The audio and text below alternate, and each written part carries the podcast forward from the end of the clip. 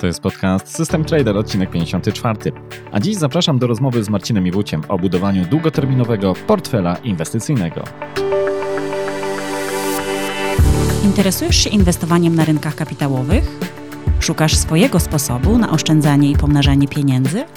Zastanawiasz się, jak postawić swoje pierwsze kroki na giełdzie? Ponadto fakty, mity, wywiady i ciekawostki ze świata finansów. To i wiele więcej usłyszysz w podcaście System Trader. Zaprasza Jacek Lempart. Inwestowaniem jest nieco jak z piłką nożną i polityką. Niewielu się na tym zna, ale większość chętnie wygłasza swoje poglądy, często mocno podlane emocjami, a twarde fakty schodzą na dalszy plan albo nie ma ich wcale. Gorzej, jeśli w oparciu o takie podejście staramy się podejmować realne decyzje finansowe. Z doświadczenia wiem, że inwestowanie technicznie może i powinno być proste, ale w praktyce to właśnie czynnik ludzki najbardziej zawodzi. Dzisiejszym gościem jest Marcin Iwód z bloga Finanse Bardzo Osobiste, autor świeżo wydanej książki Finansowa Forteca. W rozmowie z Marcinem poruszamy podstawy inwestowania oraz praktyczne aspekty budowania własnej, długoterminowej strategii inwestycyjnej. Niech ta rozmowa sprowokuje Was do samodzielnego odrabiania zadania domowego i wyciągania własnych wniosków, ponieważ nie ma czegoś takiego jak jedyna, najlepsza strategia inwestycyjna. Bardzo ważne jest, aby to zrozumieć, ponieważ nie wystarczy zbudować strategii. Znacznie większym wyzwaniem jest podążanie za nią z dyscypliną. Zapis mojej rozmowy znajdziesz również na stronie systemtrader.pl ukośnik 054. Zapraszam. Zachęcam również do pobrania mojej aplikacji System Trader, dzięki której będzie można zbudować i przetestować swój własny portfel ZTF, ale podlinkowałem też dwa portfele, które są opisane w książce Marcina i można je sobie w prosty sposób zaimportować do mojego oprogramowania, a następnie zobaczyć, jak zachowywały się za ostatnie niemal 50 lat. Tymczasem serdecznie zapraszam do rozmowy z Marcinem. Dzień dobry, dzień dobry. Witam Was wszystkich serdecznie. Z tej strony Jacek Lempart z bloga systemtrader.pl. Dziś zapraszam Was do długiej rozmowy z Marcinem Iwuciem, autorem bloga i podcastu Finanse Bardzo Osobiste, a ostatnio również autorem świeżo co dopiero wydanej książki, jeszcze ciepłej książki pod tytułem Finansowa Forteza. Ponieważ książka jest bardzo obszerna, to jest ponad 700 stron, e, także taka solidna cegła, postanowiliśmy właśnie z Marcinem e, podzielić tę rozmowę na dwie części i dziś będzie powiedzmy taka bardziej część lekka, wprowadzająca dla e, powiedzmy osób takich, które dopiero, że tak powiem, myślą o inwestowaniu, tak żeby mogły e, lekko w ten temat wejść, a druga część już taka czysto praktyczna, gdzie powiedzmy na bazie tych teoretycznych dzisiejszych e, rozmów będzie można poskładać coś praktycznego, jeżeli chodzi o kwestie inwestowania. I również za tydzień po tej części praktycznej odpowiemy na wszystkie ewentualne pytania od Was, które się w międzyczasie pojawią. Także ja teraz dołączam Marcina. Witam cię serdecznie, Marcin, e, u siebie e, na kanale. E, wiem, że jesteś osobą bardzo dobrze znaną tutaj w tej blogosferze, już kilka lat, że tak powiem, funkcjonujesz. Natomiast dla tych osób, które też gdzieś dopiero wchodzą w ten świat inwestowania i być może jeszcze o tobie nie słyszały, to żeby się formalnością stało zadość, proszę przedstaw się, powiedz czym się zajmujesz na co dzień i jak to wygląda u ciebie, jeżeli chodzi o te kwestie inwestowania, jak to się stało, że ty w ogóle w tym temacie tutaj tak mocno teraz działasz. Cześć, cześć, dziękuję bardzo serdecznie za zaproszenie i pozdrawiam bardzo serdecznie wszystkie osoby, które e, oglądają Twoje live'y.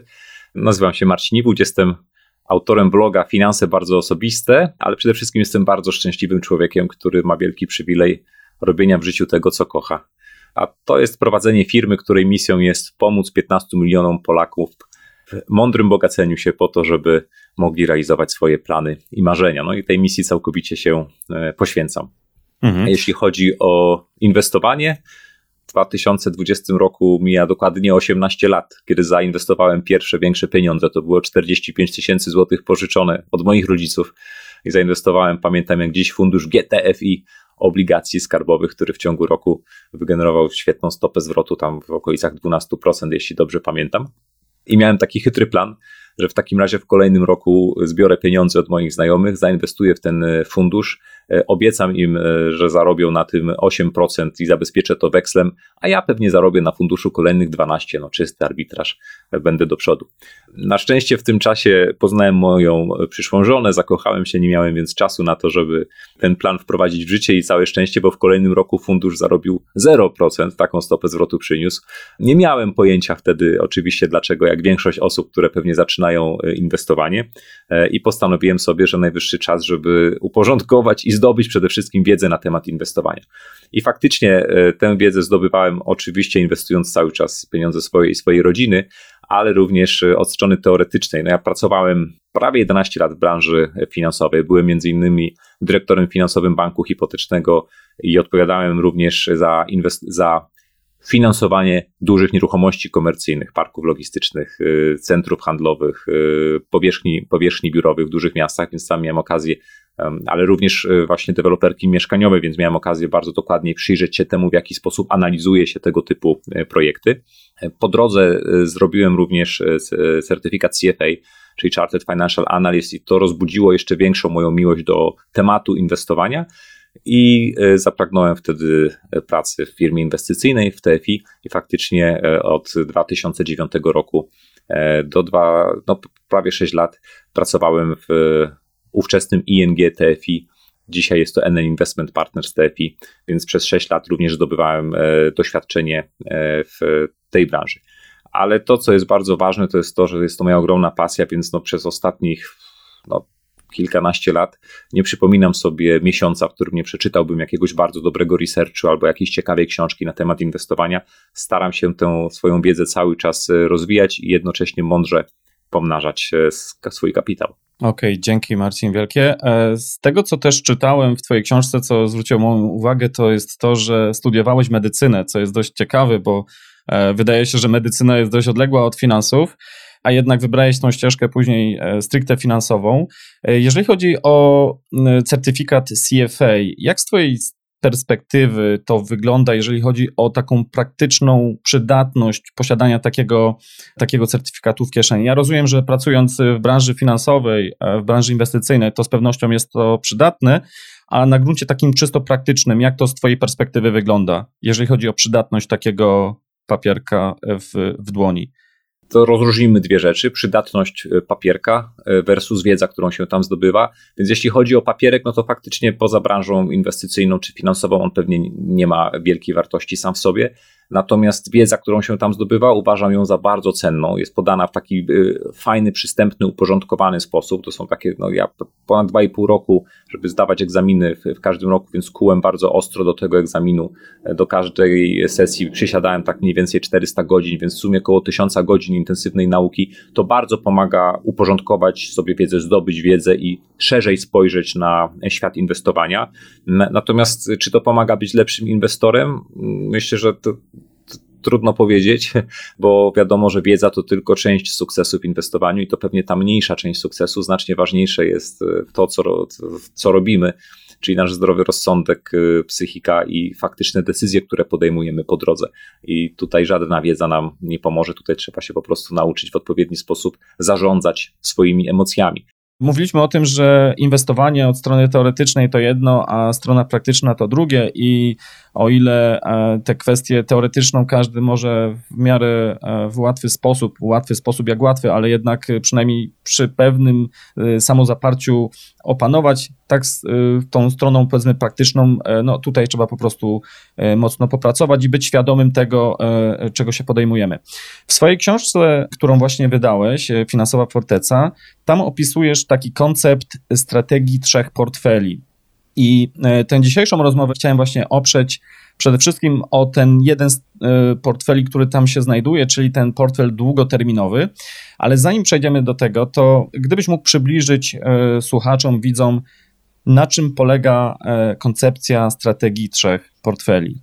Ja, wiesz, po tych latach doświadczeń swoich z inwestycjami i po różnych próbach, zacząłem się zastanawiać nad tym, jak wygląda sytuacja takiego normalnego człowieka, który tak jak ja nie chce, nie, nie spodziewa się, że na rynkach finansowych e, zarobi kokosy i że to będzie główne źródło jego dochodu, tylko chce po prostu czerpać swój dochód, czy to z pracy na etacie, czy z prowadzenia własnego biznesu, ale część tego dochodu w mądry sposób inwestować. I teraz jak te środki pomnażać tak, żeby uwzględnić w tym pomnażaniu i naszą e, psychikę, i konkretne teoretyczne podstawy, które pozwalają inwestować w sposób skuteczny, ale też taki, który zostawia nam najzwyczajniej w świecie święty spokój i nie pochłania bardzo dużo czasu. I w ten sposób właśnie wymyślając to tak naprawdę kilka lat temu dla mojej rodziny, wymyśliłem tę strategię trzech portfeli, czy też strategię finansowej fortecy. I o co w tym wszystkim chodzi? No, pierwsza sprawa, przede wszystkim musimy sobie zapewnić w życiu takie podstawowe bezpieczeństwo. I to podstawowe bezpieczeństwo ma nam zapewnić, zapewnić pierwszy portfel, który nazywam finansową poduszką bezpieczeństwa. Ten portfel to są odłożone środki na różnego rodzaju nieprzewidziane zjawiska typu nagła choroba, utrata pracy, czy jakaś awaria większa samochodu, żebyśmy nie musieli po prostu w takiej sytuacji korzystać z jakichkolwiek kredytów czy pożyczek, które są szalenie drogie. Więc pierwszy portfel, taka cytadela wewnętrzna w ramach tej finansowej fortecy, to jest finansowa poduszka bezpieczeństwa, w której powinniśmy mieć środki na około 6 miesięcy. Kiedy to już jest gotowe, to możemy zacząć myśleć już o pomnażaniu pieniędzy na przyszłość. No i teraz też myśląc przez pryzmat celów konkretnej osoby, no mamy konkretne cele długoterminowe. To może być edukacja dzieci, to może być jakieś marzenie, które za tam kilkanaście lat chcemy zrealizować, ale to może być po prostu też nasza przyszła emerytura. No i teraz pojawia się pytanie, dobra, to jak realizować, jak zabezpieczyć nasze długoterminowe cele, czyli budujemy taki mur obronny naszej finansowej, e, finansowej fortecy. No i tutaj oczywiście może być e, bardzo wiele różnych e, koncepcji, ale dla mnie było oczywistością to, że taki portfel, zarządzanie takim portfelem nie powinno zajmować mi dużo czasu, bo ja chcę przede wszystkim prowadzić swój biznes, zarabiać na tym jak najwięcej pieniędzy, tam puszczać całą swoją parę, a tutaj przecież chodzi tylko o spokojne pomnażanie tego kapitału odłożonego gdzieś z boku na przyszłość. W związku z tym postanowiłem ten portfel skonstruować sobie w taki sposób, żeby on spełniał taki warunek, że A. Zajmuje mi mało czasu, B. Bierze pod uwagę wszystko to, czego nauczyłem się przez te wszystkie lata na temat y, inwestowania. Po trzecie, nie spędza mi snu z powiek, czyli że również wahania wartości tego portfela nie są zbyt yy, wielkie. No i tam jest jeszcze szereg dodatkowych takich warunków, które sobie określiłem, które bardzo dokładnie opisuję w książce, ale chodziło też o to, żeby ten portfel był prosty, żeby tam e, nie było nie wiadomo jak skomplikowanych instrumentów finansowych, żeby nie wymagał po prostu ciągłej ingerencji z mojej strony, tylko tego, żebym raz na kwartał e, sprawdził sobie stan swoich e, rachunków, zrobił ewentualnie rebalancing i zapomniał o tym na kolejny kwartał. No i właśnie taki portfel sobie zbudowałem. E, to jest ten portfel długoterminowy, portfel numer dwa. No ale ponieważ ja e, od czasu do czasu mam trochę więcej czasu, lubię gdzieś tam sobie poinwestować, albo trafiają się po prostu jakieś bardzo ciekawe okazje, z których chcę skorzystać, to jeszcze z boku mam taki portfel ofensywny. Kiedyś moja żona nazywała to kasyno Marcina, ale ponieważ tam nie było tak naprawdę spekulacji, tylko bardzo przemyślane inwestowanie. Inwest y, tyle, że inwestowanie, którym jestem gotowy zaryzykować konkretne pieniądze i nawet stracić je wszystkie, jeżeli coś nie pójdzie, no to stąd pewnie taka nazwa. Ale to był trzeci portfel jest nadal trzeci portfel, portfel ofensywny, który nawet gdybym stracił w najczarniejszym scenariuszu wszystkie zainwestowane tam pieniądze, co jest mało prawdopodobne, to w żaden sposób nie zagrozi to mojemu portfelowi długoterminowemu, czyli temu, który ma zabezpieczyć moją przyszłą emeryturę i inne długoterminowe cele, a już na pewno nie będzie mi spędzało snu z powiek, no bo obok mamy jeszcze tą finansową poduchę bezpieczeństwa. Więc stosując takie klasyczne, psychologiczne księgowanie mentalne, podzieliłem swoje e, inwestycje na takie trzy portfele i każdy z nich jest nieco inaczej zarządzany, ma inny skład i tak dalej. Mhm, dzięki Marcin. E, co do psychologii, za chwilę sobie jeszcze tutaj porozmawiamy nieco więcej, bo no, jest to temat, który bardzo mocno wiąże się z inwestowaniem i warto tutaj pewne tematy dobrze zrozumieć. Ale tak jeszcze jedno pytanie odnośnie tej strategii trzech portfeli. Procentowo, gdybyś mógł tak określić, e, jak się rozkłada ten kapitał pomiędzy tymi, e, tymi portfelami? Ja rozumiem, że to w czasie może być zmienne, natomiast powiedzmy taki modelowy, procentowy skład tego portfela, jeżeli chodzi o jego podział, jeżeli chodzi o wagi, to jak to wygląda? To się zmienia oczywiście w czasie, bo też budowanie tych portfeli powinno być realizowane w, w odpowiedniej kolejności, czyli najpierw budujemy sobie od zera aż do pełnej wartości tę finansową poduszkę bezpieczeństwa. Więc kiedy już mamy odłożoną taką kwotę, to ją sobie inwestujemy, lokujemy. Na przykład w przypadku mojej rodziny to jest już, no w tej chwili to jest 12, 12, yy, cały rok jesteśmy w stanie z tego przeżyć, ale zastanawiam się właśnie teraz żoną, czy to nie jest za dużo, czy nie powinniśmy bardziej agresywnie części tych środków zainwestować i na przykład zmniejszyć sobie rozmiar tej poduszki finansowej do 6 miesięcy, może nawet do 3 miesięcy, w miarę jak nasza zamożność rośnie, też konieczność posiadania dużej poduszki jest mniejsza. Ale najpierw budujemy sobie powiedzmy na 6 miesięcy taką poduchę. No i to będzie wtedy 100% naszych e, inwestycji. Ale jak skończymy ją budować, no to kolejny etap to jest dobra, trzeba zabezpieczyć swoje przyszłe cele. No i to po prostu zaczynamy tam regularnie co miesiąc czy co kwartał wpłacać sobie pieniądze, więc ten drugi portfel rośnie. Pierwszy jest cały czas, ma taką samą wartość, drugi sobie zaczyna rosnąć i po jakimś czasie to on może być dominujący, ale no on będzie rósł aż do momentu, kiedy zaczniemy e, konsumpcję z tego portfela. E, jak w przypadku mojej rodziny, no tam jest około 1 600 tysięcy złotych e, w tej chwili w tym portfelu. Trzeci portfel, no to on na początku jest oczywiście bardzo mały, bo ja miałem taką zasadę, że jak ten drugi już sobie zaczął rosnąć i rósł w tempie, ze względu oczywiście głównie na wpłaty, w tempie takim, które wiem, że pomoże zrealizować moje cele, to dopiero wtedy zacząłem sobie odkładać na bok jeszcze dodatkowe pieniądze. No ale w tej chwili to już ten trzeci portfel robi się tym e, największym, najważniejszym, więc to się zmienia w czasie. Tutaj nie chodzi o to, żeby trzymać proporcje. Co więcej, uważam, że dla większości osób zbudowanie pierwszego portfela, a potem koncentracja na tym drugim i odpuszczenie sobie takich portfeli ofensywnych prób spekulacji i, i, i mrzonek, że da się nie wiadomo jak żyć na rynku finansowym, też może być y, rozsądną y, opcją oszczędzającą mnóstwo czasu. Także te proporcje w czasie się zmieniają. Mhm, e, rozumiem. No i rozumiem też, że ten portfel w naturalny sposób, ten pierwszy portfel, ta poduszka, ona będzie się z czasem procentowo zmniejszać względem rosnącego kapitału w tych dwóch pozostałych Oczywiście. portfelach. O ile ten drugi portfel jest dobrze opisany u Ciebie e, w książce i o tym będziemy od strony takiej praktycznej rozmawiać w kolejnej części tej rozmowy, to ten trzeci portfel jest y, nieco taki, trochę powiedziałbym, enigmatyczny. To znaczy, tutaj, e, przynajmniej w książce, nie opisywałeś konkretnie, e, jakimi zasadami się kierujesz, e, jednoznacznie przynajmniej. To nie jest jakaś jedna stała strategia, zbiór reguł, tylko rozumiem, że to jest naprawdę, mm, chociaż dobrze przemyślane, jak wspomniałeś, ale jednak jest to coś, co powiedzmy, nie wiem, inwestujesz w jakieś okazje, które się po prostu nadarzają w międzyczasie. Czy dobrze to zrozumiałem? Oczywiście. Mhm. Czyli y, tam mam oczywiście swoje, swoje reguły i zasady postępowania, czyli na przykład każdą inwestycję bardzo dogłębnie y, analizuję i kiedy pojawia się jakaś okazja, czy to dlatego, że gdzieś sam ją znajdę, czy dlatego, że ktoś przyjdzie do mnie z jakąś okazją, to bardzo, bardzo dokładnie to wszystko przeliczam. Tam nie ma, nie ma jakiejś y, spekulacji takiej nieprzemyślanej to oczywiście w, y, jestem w stanie w ciągu jednego dnia zmienić decyzję o 180 stopni, nie wiem, albo trzymać tam przez pół roku gotówkę, jak żadnych okazji nie ma. No, dla przykładu, w ubiegłym roku miałem taką sytuację, że ktoś zaproponował mi kupno ziemi w trudnej sytuacji y, prawnej, gdzie było sporo hipotek, różne takie rzeczy związane z, z komornikiem.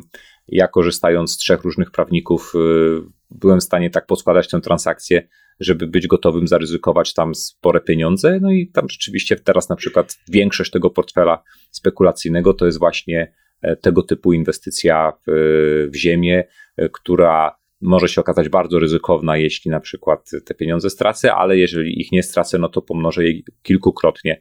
E, w, w, na, to, na to liczę. Więc to jest mniej więcej tego typu podejście, ale tam mogą trafiać, nie wiem, akcje pojedynczych, konkretnych spółek, E, czy to po jakichś szalonych przecenach, czy po jakichś, czy, czy po prostu w momencie, kiedy uznam, że warto.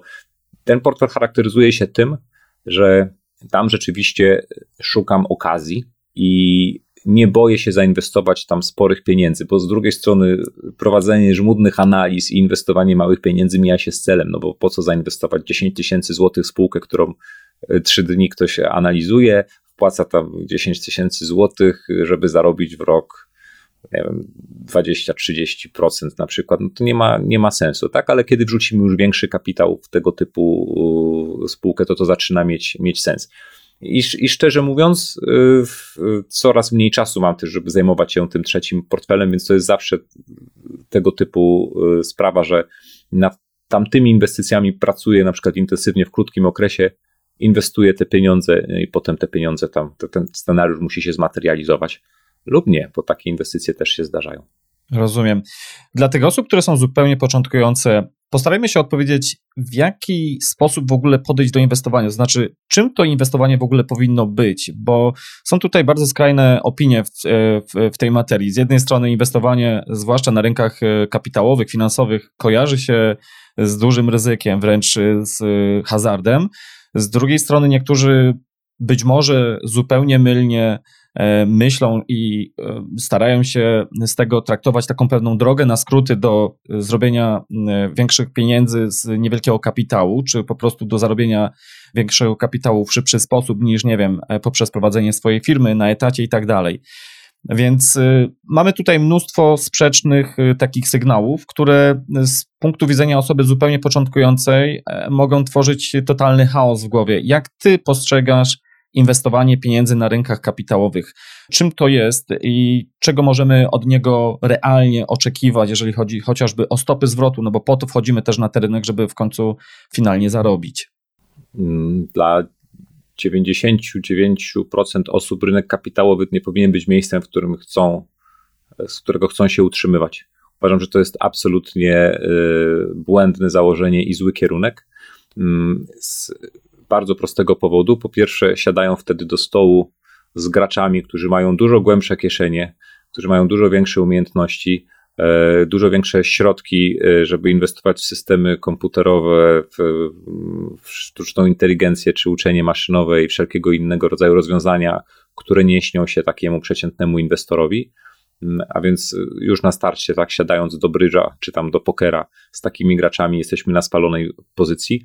Po drugie, nawet ci najwięksi inwestorzy, którzy dorobili się na giełdzie, ci naprawdę, którzy się bardzo wzbogacili, oni nie dorobili się inwestując swój własny kapitał na rynkach kapitałowych, tylko dorobili się zakładając firmy inwestycyjne, zbierając potężny kapitał od wielu różnych inwestorów i inwestując cudze pieniądze w zamian za fee, czy w zamian za prowizję, którą od tego dostawali. I to dotyczy i Warrena Buffetta, i Raya Dalio, i wszystkich innych legendarnych inwestorów, którzy tak się zdarza, że zwykle byli zarządzającymi jakimś funduszem, czy jakimś, e, czy jakimś wehikułem inwestycyjnym E, w takiej czy innej postaci, tak jak na przykład Berkshire Hathaway e, Warrena Buffetta. Więc giełda to jest fajne miejsce, żeby uciekać, znaczy giełda, czy rynki kapitałowe, powiedzmy, powiedzmy szerzej, żeby uciekać przed inflacją, żeby pozwolić naszym oszczędnościom spokojnie gdzieś tam rosnąć. Ale jeżeli ktoś chce się szybko wzbogacić, to najlepiej niech założy swoją firmę, niech sprzeda coś e, za złotówkę milionowi złot, ludzi albo za milion złotych jednej osobie i wtedy dopiero e, te pieniądze pomnoży. Giełda to nie jest miejsce na bogacenie się, takie jest moje, takie jest moje e, podstawowe założenie.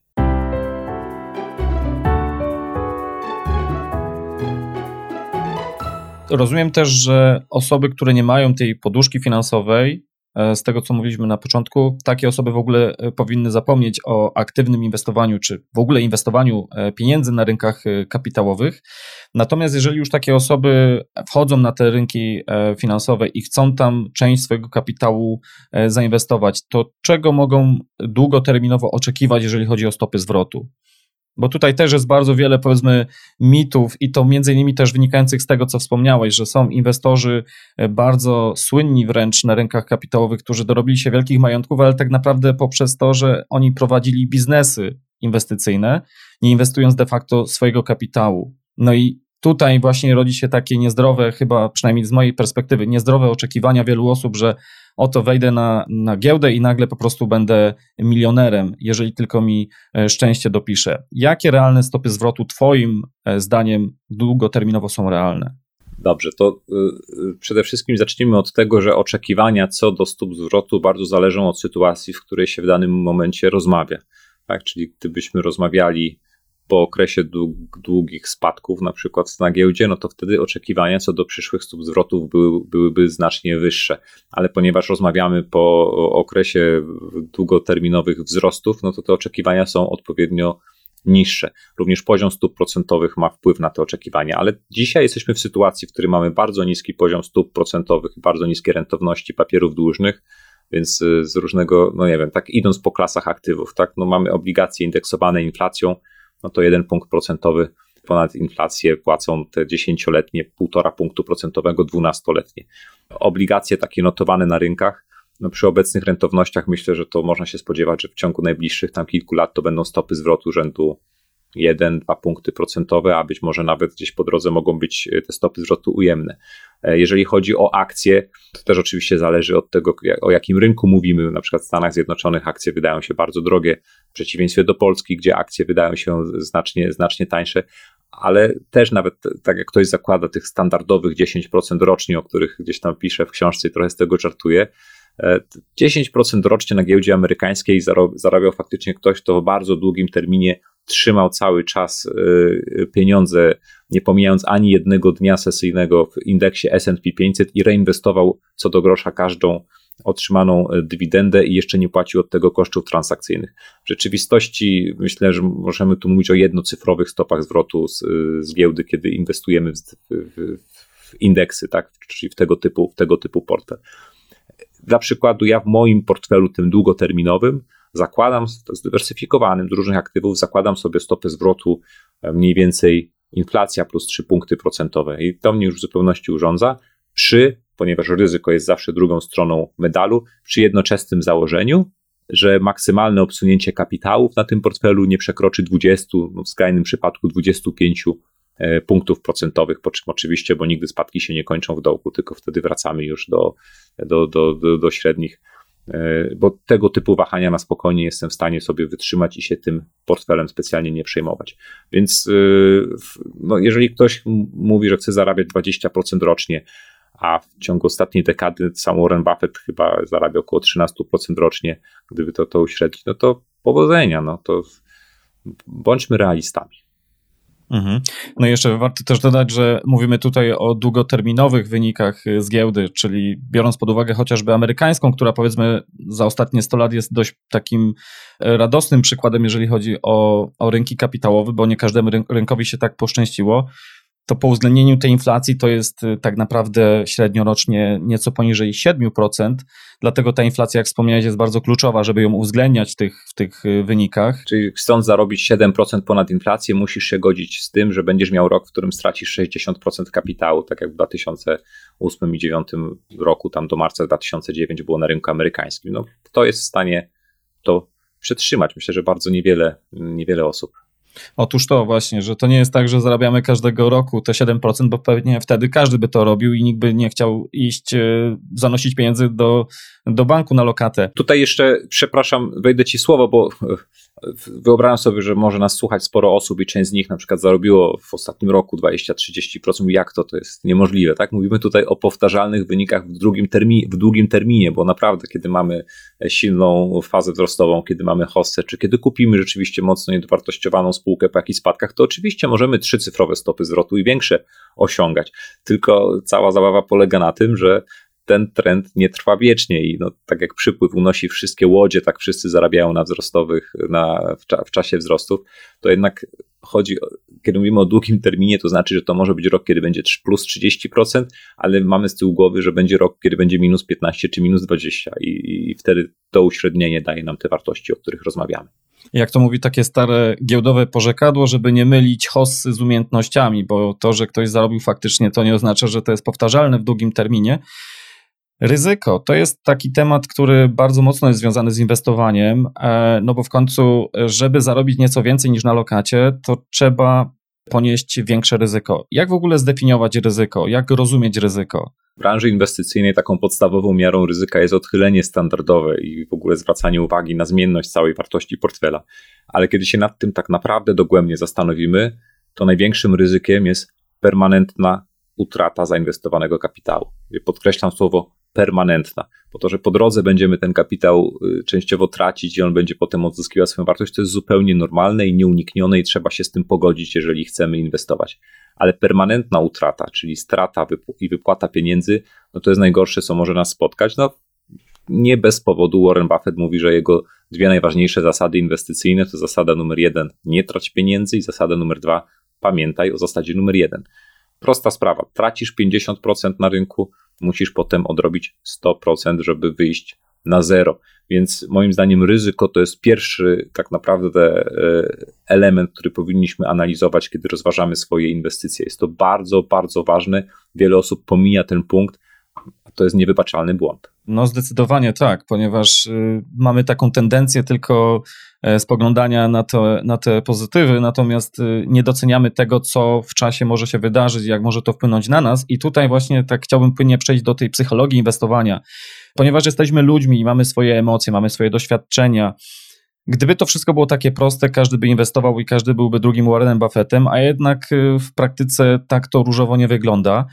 Gdybyś mógł tak skatalogować pokrótce takie podstawowe, najczęstsze, czy też największe, najbardziej zagrażające inwestorowi błędy, jakie są popełniane z czysto takich, jak to się mówi ładnie, behawioralnych powodów?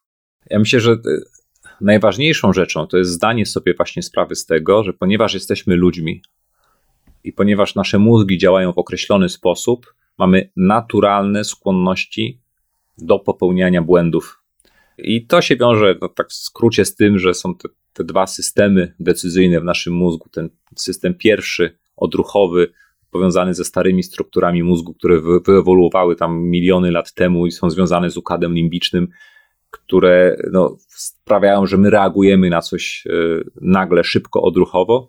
No i mamy ten wykształcony 200 tysięcy lat temu e, system drugi, system analityczny w mózgu oparty o naszą korę przedczołową, e, który podejmuje decyzje na spokojnie, na chłodno, w sposób bardziej racjonalny. Cały problem polega na tym, że ten pierwszy e, jest dochodzi do głosu bardzo szybko i pochłania niewielką ilość energii, jeśli chodzi o spożywane kalorie. W związku z tym nasz mózg preferuje to, żebyśmy większość życia gdzieś tam jechali na tym systemie odruchowym, na takim autopilocie. Nie? To, to porównajmy to z nauką jazdy. Na początku się męczymy z przełączaniem biegów, musimy o tym myśleć, ale jak tylko już się to zamieni w odruch, jest to przesuwane w, tak i możemy już działać odruchowo. Tak samo tutaj to odruchowe działanie u nas dominuje. I cała sztuka polega na tym, żeby o tym wiedzieć, żeby wiedzieć, że w pewnym momencie emocje, strach i taki jakiś odruch będzie się pojawiał w naszym życiu i musimy zrobić wszystko, żeby dać sobie trochę czasu na spokojną decyzję, żeby do głosu doszedł ten nasz drugi system, ten system analityczny. tak naprawdę zanim popełnimy błędy, definiując swoją strategię inwestycyjną, powinniśmy ją zdefiniować w taki sposób, żeby wiedząc o tym, że w przyszłości będziemy popełniać błędy, będziemy mieli skłonność do popełniania błędów, tak tą strategię sobie i, i reguły inwestycyjne tak sobie zdefiniować, żeby pomimo tej skłonności do popełniania błędów, tych błędów nie popełniać, bo będziemy wtedy patrzeć na swoje zasady, na swoją strategię i mówić, ok, obiecałem sobie, że jak się wydarzy to i to, to ja, ja zareaguję w określony sposób, więc teraz to zrobię, a nie będę słuchał e, swoich emocji. Tego typu reguły e, stosowali praktycznie wszyscy wielcy, e, wielcy inwestorzy. Mi się bardzo podoba to, co robił Sir John Templeton, czyli on zarobił potężne pieniądze na spadkach, e, e, na spadkach, e, jeszcze dobrze pamiętam, w czasie II wojny światowej i on miał zasadę, że jeżeli lubił jakąś spółkę, ale była za droga, to składał u swojego brokera zlecenie zakupu, że kiedy spółka spadnie do odpowiedniej ceny, to zlecenie ma być automatycznie zrealizowane, bo wiedział, że nawet on jak będą spadki, jak będą emocje, jak wszyscy wokół będą mówić, że jest koniec świata, nie będzie miał na tyle odwagi i dyscypliny, żeby duże pieniądze wtedy zainwestować, więc wolał, żeby takie zlecenie zostało zainwestowane już bez ponownego podejmowania decyzji. No, a tych błędów, które popełniamy i tych skłonności jest mnóstwo. To jest ten efekt myślenia wstecznego, tak, polegający na tym, że kiedy poczytamy, co się wydarzyło w przeszłości, wydaje nam się, że to było do przewidzenia i, i, i, wyciągamy proste wnioski. No przecież każdy wiedział, że pęknie bańka na rynku nieruchomości w Stanach Zjednoczonych. Przecież każdy wiedział, to było do przewidzenia. To nieprawda. To tylko nasz mózg układa sobie historię. Dzisiaj jesteśmy w takiej samej sytuacji. Ja często powtarzam, że no lewą stronę wykresu każdy zna, ale tej, tej drugiej, prawej, czyli tego, co będzie przed nami, nie zna nikt nadmierna pewność własnych umiejętności i wiedzy. To jest bardzo częsty błąd, z którego trzeba sobie zdawać sprawę, bo w inwestycjach zabije nas nie to, co wiemy, tylko to, czego nie wiemy. Więc najgorsze, co możemy zrobić, to jest właśnie taka arogancja i podejście: wiem wszystko, ja się na pewno nie pomylę, mam duże przekonanie, że dany scenariusz się, e, się spełni. Więc trzeba mieć ogromną ilość pokory. Kolejna rzecz, e, efekt e, pułapka potwierdzenia, czyli to, że jeżeli mamy jakąś myśl w głowie, czy jakiś pomysł inwestycyjny, to wyciągamy z otoczenia te informacje, które nas utwierdzą w przekonaniu, że to jest dobra decyzja. To jest błąd, tak nie powinno się robić. Kiedy mamy jakiś pomysł inwestycyjny, powinniśmy szukać takich adwokatów diabła, szukać inwestorów czy ludzi, którzy mają inną opinię i patrzeć, jak oni tę opinię argumentują, bo może się okazać, że to oni mają rację, a nie my. No i szereg tego typu pułapek, w które możemy wpaść, jeżeli zdajemy sobie z nich sprawę, no to mamy wtedy większe szanse do podejmowania lepszych decyzji. I znów mówię większe szanse, dlatego że nawet kiedy znamy i wie, zdajemy sobie sprawę z tych błędów, i tak, i tak nie, jeste, nie jesteśmy na nie odporni od czasu do czasu, w którąś z tych pułapek będziemy wpadać. Ale ta, ta zdawanie sobie z tego sprawy bardzo pomaga w lepszym inwestowaniu. No i tutaj jeszcze jest też taka trudność, że o ile nam dość łatwo przychodzi dostrzeganie, jak te błędy są popełniane przez innych, to już znacznie trudniej jest dostrzegać nam, że my również popełniamy te błędy i dlatego te błędy też się powtarzają. Natomiast wspomniałeś o tym systemie drugim, tym analitycznym, żebyśmy nie podejmowali pewnych decyzji w sposób odruchowy czy wręcz emocjonalny, tylko żebyśmy mogli dopuścić tutaj do głosu ten, ten mechanizm analityczny, gdzie możemy na chłodno przemyśleć pewne decyzje. I tutaj chciałem Cię podpytać też w kontekście mm, tego, czy pomimo tego, że włączamy ten mechanizm takiej już głębokiej analityki, gdzie ten problem staramy się rozpracować na elementy pierwsze, to tak naprawdę też nie podlegamy szeregowi różnych innych błędów, też właśnie na gruncie behawioralnym. Coś, o czym na przykład wspominał e, Daniel Kahneman, czyli profesor, który zresztą e, między innymi za swój wkład w, właśnie w ten dział e, psychologii behawioralnej otrzymał Nagrodę Nobla, gdzie on powiedział, że ten proces decyzyjny z jego punktu widzenia warto czasami dość mocno zredukować do szeregu kilku prostych reguł, po to, aby on był powtarzalny. Tutaj nie chodzi o to, żeby te decyzje były perfekcyjne, idealne, ale żeby były powtarzalne, czyli mówiąc krótko, na zestawie tych samych danych wejściowych, żebyśmy podejmowali takie same powtarzalne decyzje. Jak ty tutaj to e, postrzegasz? Ja jestem absolutnie fanem jasno zdefiniowanych, prostych reguł i, i niedużej liczby tych reguł, e, pod warunkiem, że zdefiniowaliśmy te reguły w odpowiedni sposób, że one mają odpowiednie przesłanki merytoryczne, bo jeżeli ktoś ma regułę, nie wiem, że będzie otwierał długą pozycję na kontraktach w poniedziałki i zamykał zawsze w piątki bez względu na to, co się dzieje, no to to jest, to jest prosta reguła, ale to jest żadna reguła, ona nie ma żadnych przesłanek merytorycznych, więc to musi być oparte na konkretnych merytorycznych przesłankach, że będę to robił w taki sposób, to są moje reguły, ale te reguły wynikają z mojej wiedzy na temat tego, jak powinno się inwestować, na przykład z tego, jak w danych warunkach zachowują się poszczególne klasy aktywów. Mhm, rozumiem. No tutaj pewną taką regułą, o której będziemy jeszcze rozmawiać, jest rebalancing chociażby w portfelu, czyli przywracanie go do tych y, powiedzmy oryginalnych, tych docelowych y, wag, ale jest to de facto reguła, która jest bardzo jednoznacznie opisana, gdzie po prostu nie musimy e, w żaden sposób niczego analizować, poza tym, że spoglądamy na wartości e, poszczególnych wag w portfelu. To w takim razie e, powiedz mi, jak taka osoba, która chce zacząć inwestować, powinna się do tego zabrać, jeżeli tak naprawdę właśnie dociera do niej szereg sprzecznych informacji. No bo z jednej strony e, mówimy, że te akcje na przykład w Stanach Zjednoczonych są już bardzo drogie. Jest ten rynek e, po prostu zbyt drogi, żeby kupować, bo za chwilę będzie e, spadek. Z drugiej strony mówi się dużo o tej skoordynowanej akcji banków centralnych, o tym drukowaniu pieniądza, coś, co praktycznie każdego dnia można gdzieś tam widzieć w nagłówkach. Mm, mamy też y, bardzo niekorzystne zachodzące zmiany demograficzne. E, widzimy, że e, ZUS, jaki dzisiaj w Polsce funkcjonuje, za 20 lat będzie mu przychodziło działać w zupełnie innych warunkach. Mm, być może wtedy, gdy my będziemy też myśleć właśnie już o, o tej jesieni życia.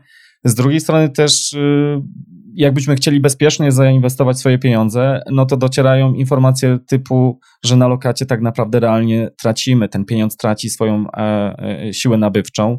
Mamy ujemne rentowności obligacji w wielu krajach, e, co też jest problematyczne dla wielu osób, które szukałyby jakiegoś bezpieczniejszego miejsca dla swoich oszczędności.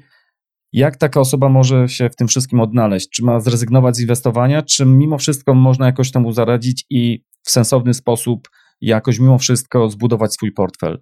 Strach zawsze ma wielkie oczy, nie? I w każdym momencie, w każdej sytuacji przed zainwestowaniem pieniędzy będziemy te obawy czuć. I to wszystko jedno. Czy będziemy iść do banku i zakładać lokatę na większą kwotę, to będziemy się bać, że bank upadnie. Jak zostawimy gotówkę w domu, to będziemy się bać, że ktoś się włamie i nam tę gotówkę zabierze, albo że wybuchnie hiperinflacja jak kupujemy złoto, to też może się okazać, że zaraz kurs, a co będzie jak kurs spadnie o 50% i tak dalej. Strach ma wielkie oczy i no cała sztuka inwestowania na tym polega, żeby nie unikać ryzyka, bo unikanie ryzyka to jest unikanie zysków, tylko żeby y, podejmować w sposób y, przemyślany ryzyko i dzięki podjęciu tego ryzyka y, zarabiać. Moim zdaniem, szczególnie właśnie w, w takich czasach, w jakich jesteśmy teraz, czy gdzieś tam pod koniec pewnie długoterminowego cyklu długu, gdzie, gdzie wiele osób wieszczy różnego rodzaju turbulencje, najlepszym wyjściem jest dobrze zdywersyfikowany portfel złożony z różnych klas aktywów. Najlepszym wyjściem jest nie zakładanie tylko jednego scenariusza, który się wydarzy, bo to nie jest tak, że historia układa się liniowo, tylko tak naprawdę no, w przeszłości też mogły się wydarzyć setki różnych scenariuszy i to, że wydarzył się akurat ten, który się wydarzył, nie znaczy, że to było w jakikolwiek sposób do przewidzenia. My teraz też stoimy w sytuacji, w których możliwych dróg rozwoju sytuacji jest bardzo dużo. Wiele osób wskazuje na to, że no pewnie będzie presja inflacyjna, że pewnie gdzieś to, to może być problemem, ale to jest powiedzmy tylko jakiś zestaw możliwych scenariuszy. Nie wiem, powiedzmy 80% scenariuszy na to wskazuje, ale jest 20% innych scenariuszy i one się mogą też, też spełnić. Warto o tym pamiętać. I ponieważ nie jesteśmy w stanie przewidzieć przyszłości, musimy zdywersyfikować swój portfel, jeżeli nie chcemy cały czas być skazanymi na podążanie za chwilową modą, czy za tą klasą aktywów, która wydaje się najbardziej, e, najbardziej ciekawa. I moim zdaniem właśnie taki zdywersyfikowany portfel z różnych klas aktywów to jest coś, co pozwala oderwać się od tego szumu, od tych ciągłych dyskusji, co to się wydarzy w przyszłości i spać spokojnie, robić swoje, skupić się na pracy, na swoim biznesie i tam zwiększać kasę, a tu pozwolić pieniądzom w sposób spokojny pracować. W takich szczegółach praktycznych jeszcze sobie porozmawiamy o tym portfelu takim dobrze zdywersyfikowanym. Natomiast y, od strony takiej, powiedzmy, co do doboru rodzaju strategii, jest to rodzaj strategii pasywnej, czyli taki e, rodzaj strategii, w której nie staramy się w żaden sposób reagować na to, co robi rynek. Ok, może nie do końca, bo jednak ten rebalancing, chociażby o którym też będziemy jeszcze mówić, można przeprowadzać. Natomiast generalnie nie mówimy tutaj, czy akcje są drogie, czy tanie, czy e, z jakiegoś innego powodu kupować coś akurat, tylko i wyłącznie dlatego, że nam się wydaje, że to właśnie będzie rosło. Natomiast czy ty uważasz, że takie podejście do rynku, z którym ja się w pełni zgadzam, jeżeli chodzi o pasywny portfel, jest jedynym sensownym podejściem do inwestowania? Czy mówiąc krótko, inwestowanie aktywne Twoim zdaniem jest możliwe, czyli jest możliwe zarabianie więcej niż nam rynek daje? Czy też mówiąc jeszcze inaczej, tak zwana hipoteza rynku efektywnego, która powstała gdzieś tam, została ukuta w lat, latach 60., 70., właśnie w Stanach Zjednoczonych, y, czy ta hipoteza, która mówi, że rynku nie da się pobić, jest Twoim zdaniem prawdziwa czy fałszywa? Ja nie jestem y, zwolennikiem hipotezy, że rynki są efektywne. Absolutnie nie. Pod, pod, pod, pod żadnym pozorem.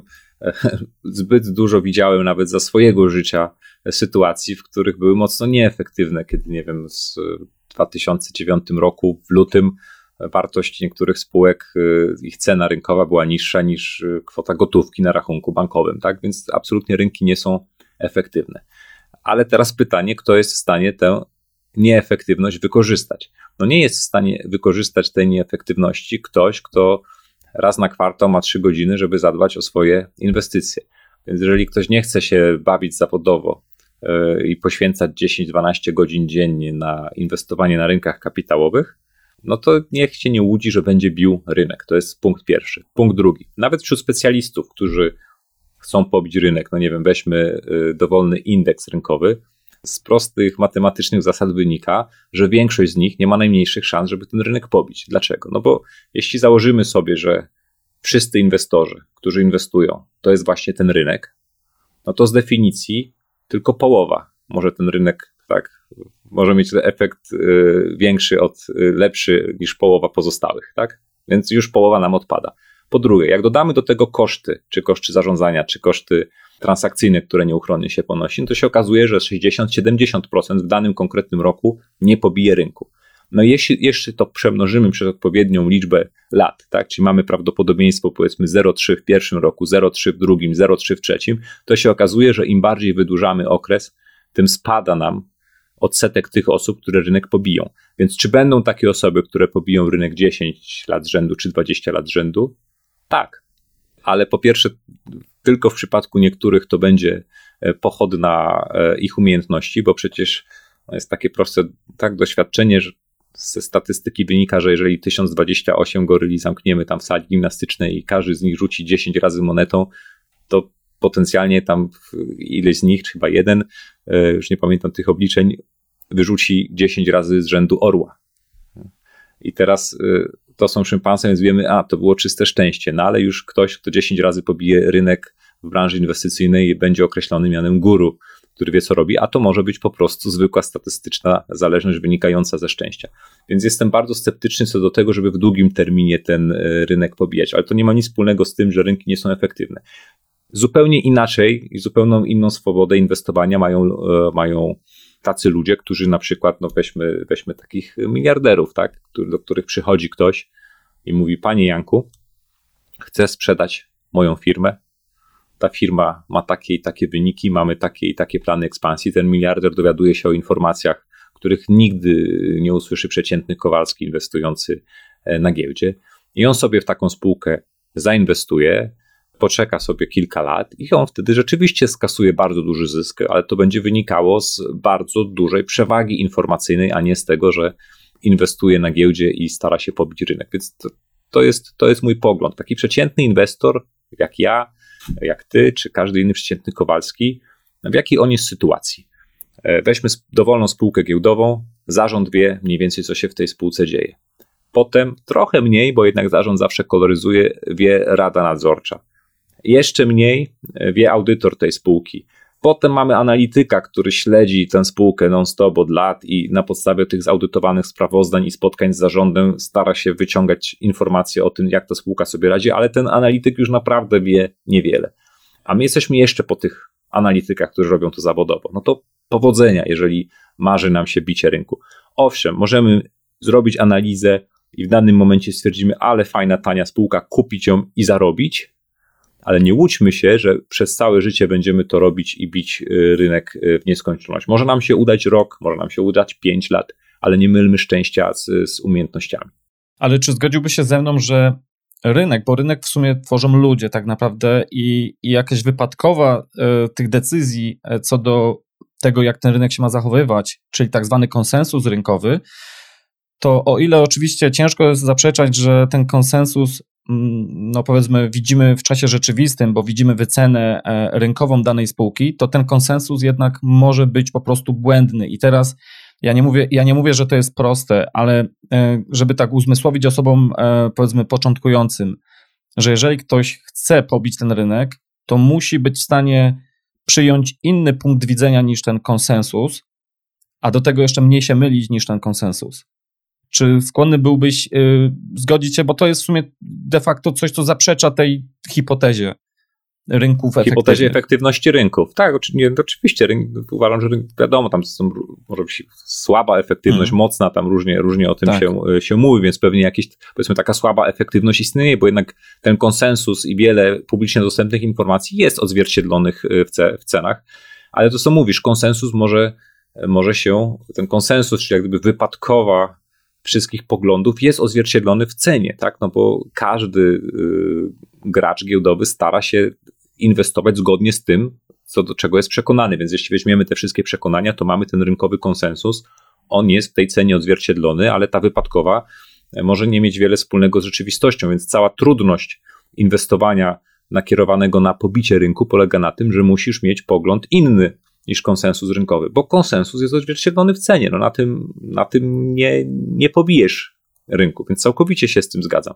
Tylko, że mieć odrębne zdanie od innych na jakiś temat, postawić na to duże pieniądze i mieć jeszcze odporność psychiczną i cierpliwość, żeby ten nasz niekonsensusowy pogląd się sprawdził, jest bardzo, bardzo trudno i e, sam w, w pracując w TFI, no, były, były sytuacje, nie wiem, jest jakaś spółka, która jest obiektywnie tania, która jest bardzo fajna i co możesz taką spółkę kupić do swojego portfela i wiesz, że to jest spółka, która jak rynek ją dostrzeże, na pewno urośnie. No ale jak jej rynek nie dostrzeże przez rok, dwa, trzy, cztery, pięć, to może ci braknąć cierpliwości, a ty cały czas masz wtedy wyniki trochę gorsze, bo ta spółka gdzieś tam e, ciągnie się w ogonie tych, e, tych, tych pozostałych, pomimo tego, że zrobiłeś swoją robotę, zainwestowałeś mądrze, zgodnie z zasadami. W, e, to jest trudniejsze niż się wydaje i dla 99,9% osób, a pewnie dla wszystkich Kowalskich, nawet dla mnie w tej chwili, zwykle szkoda na to prądu. No właśnie, żeby też tak nie rozbudzać tutaj e, jakoś za bardzo nadziei osób, że tak łatwo jest pobijać ten rynek. No, trzeba sobie zdawać sprawę, że wszyscy podlegamy podobnym ograniczeniom czy podobnym emocjom podobnym e, psychologicznym aspektom.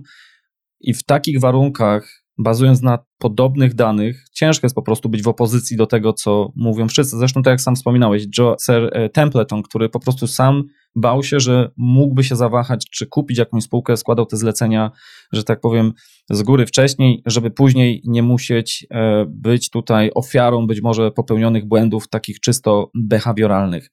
Natomiast e, mam teraz takie kolejne pytanie, ponieważ większość swoich analiz w książce dotyczy, powiedzmy, mówimy tutaj o wycenie aktywów, korzystając z analizy fundamentalnej.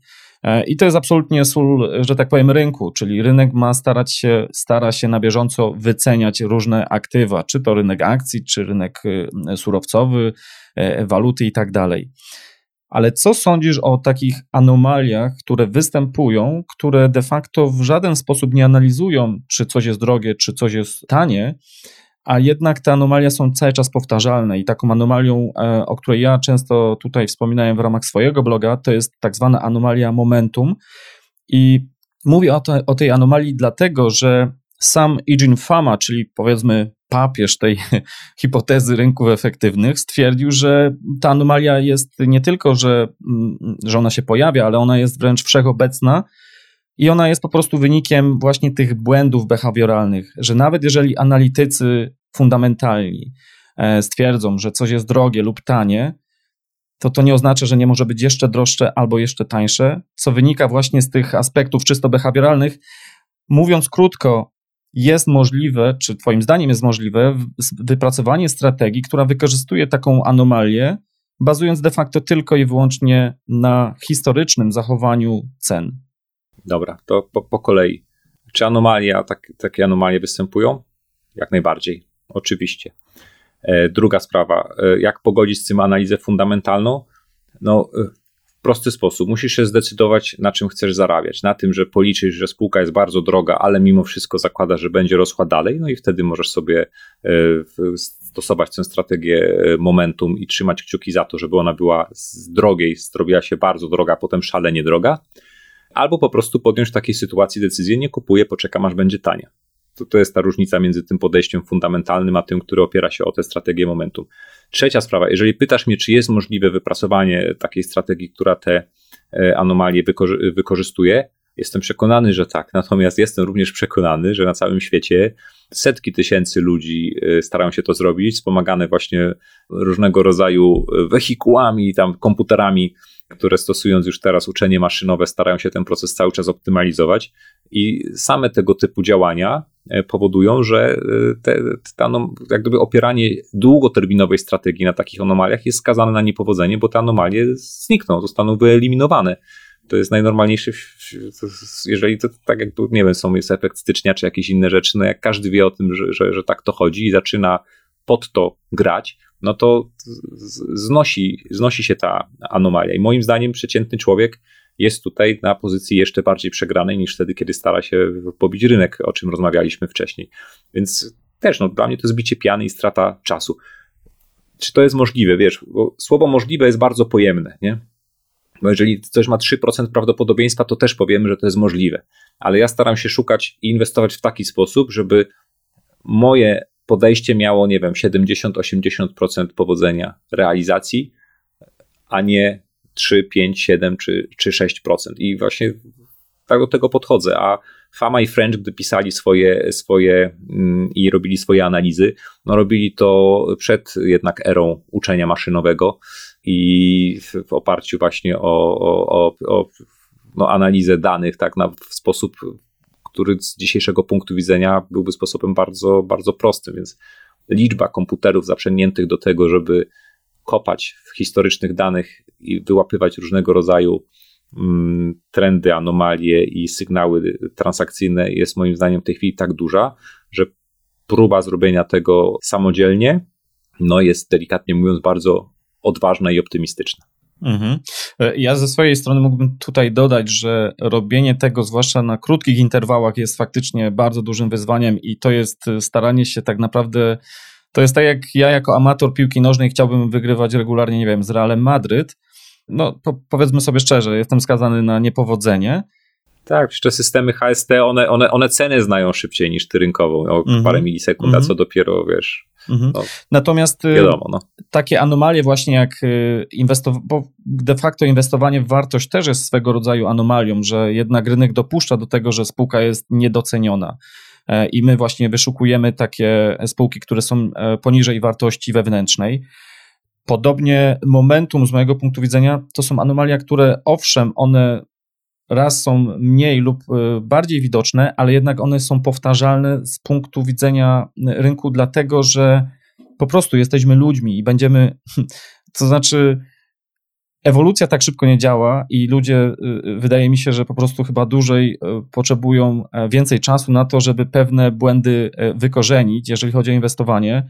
A de facto, nie wiem, inwestujemy 100, 200, 300 lat, zdecydowanie z punktu widzenia takiej e, mm, ewolucji zbyt mało. Tak to przynajmniej e, ja, ja postrzegam. Inny profesor, Asfat Damodaran, ja nie chcę tutaj tak cały czas tylko się profesorami podpierać, ale on z kolei powiedział, że inwestorzy wartość są bardziej zależni od momentu niż mi się wydaje, no bo siłą rzeczy, jeżeli jest spółka, która jest niedoceniona, no i jeżeli my ją kupujemy, no to liczymy na to, że rynek w końcu ją doceni, no to to momentum tam również musi być. Natomiast, żeby też nie rozpalać tutaj nadziei ludzi, że to jest takie wszystko proste, to jak to mówi Buffett zawsze dodaje, nie jest mimo wszystko takie łatwe, bo momentum to, czy jakakolwiek inna strategia, to nie jest tylko moment wejścia, ale też trzeba mieć jeszcze, e, umieć zdefiniować moment wyjścia z tej strategii. I, i myślę, że tutaj ten niuans może bardzo dużo, e, dużo, duże znaczenie mieć. Ja tylko może jeszcze tylko się odniosę do tego, co, co mówisz, bo też to, nie jest tak, że ja jestem e, wiem, zwolennikiem inwestowania w wartość i że nie wiem, kupując ETF-y, to kupuję te, które kupują tylko spółki value. Nie, to, to, to nie o to chodzi. To chodzi o prostą, o prostą sprawę, dlaczego piszę też o analizie fundamentalnej, no bo nie wiem, mam portfel ofensywny i y, ktoś mówi mi, słuchaj Marcin, taka fajna, ciekawa spółka, przyjrzyj jej się. No to nie wyobrażam sobie, żebym nie przyjrzał bardzo dokładnie jej sprawozdania finansowego, nie poznał zarządu, nie zorientował się, w jakiej działa branży, jakich ma konkurentów, jak sobie radzi. Dopiero po takiej analizie jestem w stanie wyrobić sobie opinię na temat takiej spółki i nigdy nie zainwestowałbym w nią pieniędzy tylko w oparciu o to, jak układały się w przeszłości notowania tej spółki, bez względu na to, jakie strategie tutaj takie byśmy po prostu brali pod uwagę, ale to jest moje podejście po prostu i ono wynika moim zdaniem z przesłanek racjonalnych, dlatego że nie wiem, jak widzę bardzo drogą, mocno zadłużoną spółkę i widzę spółkę, która ma bardzo dużo gotówki, fajny model biznesowy, mało długu i, i, i niską wycenę, no to jest kwestią czasu to, że życie te dwa podejścia do rozwoju z dużym prawdopodobieństwem zweryfikuje. No i ta pierwsza spółka, moim zdaniem, ma większe prawdopodobieństwo niedowiezienia tego wyniku, na który liczymy inwestując w nią. No ale to już są takie, takie niuanse, więc no ja po prostu jestem konserwatywnie też podchodzę do swoich inwestycji. Mm-hmm. No i nieco zamykając ten wątek, gdzie powiedzmy mamy wniosek taki, że te rynki można pobijać, to nie jest to wcale takie proste. To jest właśnie powód, dla którego ten portfel długoterminowy, który proponujesz, opisujesz w własnej książce, jest portfelem takim pasywnym, długoterminowym, gdzie my nie musimy właśnie podejmować tego wysiłku próby analizy rynku. Porozmawiamy sobie już bardziej o praktyce. I ponieważ ta praktyka sprowadza cię będzie do tego, że będziemy wykorzystywać, czy wykorzystujesz i o tym piszesz, tak zwane fundusze ETF, to zacznijmy od tego tematu, żeby dla tych osób, które są naprawdę zupełnie świeże, żeby mogły zrozumieć, o czym w ogóle mowa, z czego wynika popularność tych funduszy ETF i dlaczego zdecydowałeś na to, żeby te swoje portfele długoterminowe również opierać o fundusze ETF? No, ETF-y są coraz bardziej popularne, myślę, z dwóch podstawowych powodów. Pierwszy to jest to, że jeżeli mówimy o ETF-ach pasywnych, to dość wiernie odzorowują one indeksy, które chcemy naśladować, czyli pozwalają nam zbudować ekspozycję, dobrą i tanią ekspozycję na konkretną klasę aktywów. Na przykład, jeżeli chcę inwestować w zdywersyfikowany portfel akcji rynków wschodzących, to kupuję ETF, który naśladuje indeks MSCI Emerging Markets na przykład i wtedy wiem, że ten ETF pasywnie zarządzany będzie podążał za indeksem no minus, minus koszty, ale plus jakieś tam dodatkowe dochody, które jest na przykład w stanie wygenerować z pożyczania akcji. W każdym razie jest to tani i prosty sposób na to, żeby odzorować stopę zwrotu zbliżoną, bardzo zbliżoną do tego, jaką stopę zwrotu przynoszą dane indeksy giełdowe. Dlaczego to jest fajne i wygodne? No bo w przypadku większości aktywnie zarządzanych funduszy inwestycyjnych niestety ta sztuka się nie udaje. Czyli y, ze względu przede wszystkim na wysokie koszty, ale też inne rzeczy, takie jak chociażby błędy zarządzających, czy no, różnego rodzaju po prostu y, zakłady z rynkiem, które spełniają się dopiero po długim czasie, trudno jest w aktywnie zarządzanych funduszach pobić taki benchmark, jak na przykład indeks S&P 500 czy indeks MSCI World. W przypadku pasywnie zarządzanych y, ETF-ów, wybierając taki produkt, mamy ogromne prawdopodobieństwo, że nasz wynik będzie lepszy od 80, może nawet w długim terminie 90% aktywnie zarządzanych funduszy, czyli ściągamy z siebie obowiązek wyboru właściwego funduszu inwestycyjnego. Mhm. E, dzięki Marcin. Jeżeli chodzi o, o, fundusze inwestycyjne, o TFI, to ja sobie zostawiłem je jeszcze na deser tutaj e, pod koniec e, naszej dzisiejszej rozmowy. Natomiast kontynuując temat ETF-ów, problem dla wielu inwestorów jest taki, tych początkujących, że tych ETF-ów jest po prostu bardzo, bardzo dużo. Są tysiące tych ETF-ów. Jak w takim razie można się w tym świecie, tym oceanie ETF-ów odnaleźć, żeby wybrać te, które powinniśmy wybrać do naszego portfela. I ja wiem, że najpierw powinniśmy mieć strategię, o której za chwilę porozmawiamy, ale bardziej mi tutaj chodzi o ten aspekt taki czysto techniczny, czyli czy powinniśmy się ograniczać do tych ETF-ów, które są w Polsce, czy może do tych, które są e, notowane w Europie, czy być może do tych, które są notowane w Stanach Zjednoczonych. No to jest jakby nie było ojczyzna tych ETF-ów i tam są właśnie te największe, najbardziej płynne ETF-y. Czy wybierać ETF e, w, w ramach naszych polskich biur maklerskich, czy być może e, w biurach zagranicznych? Jak do tego tematu podejść? To, czy polskie biuro, czy zagraniczne, tak naprawdę trzeba się po prostu kierować kosztami. W przypadku polskich biur, takich jak mBank czy y, Bossa, tam możemy sobie inwestować w ramach IKE czy IGZE, czyli dodatkowo skorzystać z preferencji podatkowych. E, natomiast y, są na przykład X-Trade Broker teraz ma taką promocję, że jest zupełnie zakup bez prowizji, więc też można spokojnie sięgnąć po lokalnego brokera. Natomiast jeżeli w ofercie naszych lokalnych brokerów y, za mało nam jeszcze tych ETF-ów, choć zwykle jest ich kilkaset, chcemy mieć jeszcze bardziej egzotyczne, to możemy śmiało wychodzić również do brokerów zagranicznych, takich jak Interactive Brokers czy, czy Links. Mówię teraz y, o tych, które przychodzą mi do głowy, to nie jest żadna rekomendacja, trzeba po prostu sobie popatrzeć, jakie w danym momencie są y, warunki inwestowania w takim domu maklerskim. Więc to byłby punkt pierwszy. Jeżeli w ramach IKE czy IGZE, no to mamy do dyspozycji oczywiście e, brokerów lokalnych. Druga sprawa, rynek, na którym notowane są ETF-y, mm, no te, które są notowane bezpośrednio w Stanach Zjednoczonych, do nich niestety w tej chwili inwestor z Europy nie ma praktycznie dostępu mm, ze względu na brak e, tak zwanych KID-ów, ale mamy kilkaset ETF-ów e, dostępnych na rynku europejskim z takim paszportem UCITS i możemy spokojnie, praktycznie dowolną strategię inwestycyjną przy pomocy tych ETF-ów sobie odzorować. Dodatkowym plusem jest to, że wiele tych europejskich ETF-ów nie wypłaca nam dywidend, tylko je akumuluje. Co to znaczy? Wypłacenie dywidendy wiąże się z koniecznością zapłaty podatku. Od dywidendy i często e, stopa tego podatku może być tak zwanego withholding tax wyższa niż w przypadku opodatkowania dywidendy w Polsce, na przykład w niektórych domach maklerskich od akcji notowanych w USA pobieranych jest za 30% podatku jeżeli wybierzemy sobie jednostkę, która akumuluje te dywidendy, no to wtedy po prostu wartość ETF-u rośnie o tę wartość dywidendy. Ta dywidenda jest reinwestowana w sposób automatyczny, dużo bardziej efektywny kosztowo, więc patrzyłbym się bardziej na tego typu niuanse. Ale tak jak słusznie zauważyłeś, najważniejsza nie jest taktyka, tylko jest to, czemu poświęciłem całą tą książkę, czyli zbudowanie sobie dobrej strategii inwestycyjnej, bo powiedziałeś, że problemem wielu inwestorów jest wybór ETF-u, Problemem wielu inwestorów jest to, że nie mają strategii i wtedy bez względu na to, jakie mają ETF-y do dyspozycji, i tak żadnej sensownej strategii nie zrealizują. Więc punkt pierwszy, mhm. strategia. Rozumiem. To jeszcze zanim e, przejdziemy sobie do budowy strategii, to zamykając temat ETF-ów, różnica pomiędzy ETF-ami akumulacyjnymi i tymi dystrybucyjnymi, jak powiedziałeś, polega na tym, że te pierwsze akumulują, nie wypłacają tej dywidendy. Czyli można by tutaj powiedzieć, że dla większości inwestorów jest to prawdopodobnie korzystne, zwłaszcza jeżeli mamy mowy, mówimy tutaj o inwestowaniu w ramach konta opodatkowanego, prawda? Również w ramach IKE sensownie jest inwestować w ETF-y akumulujące dywidendy. okay, czyli może być to jeden z, z takich argumentów za, za tymi ETF-ami. Dobrze, to ja już zamykam ten temat ETF-owy, przynajmniej na razie.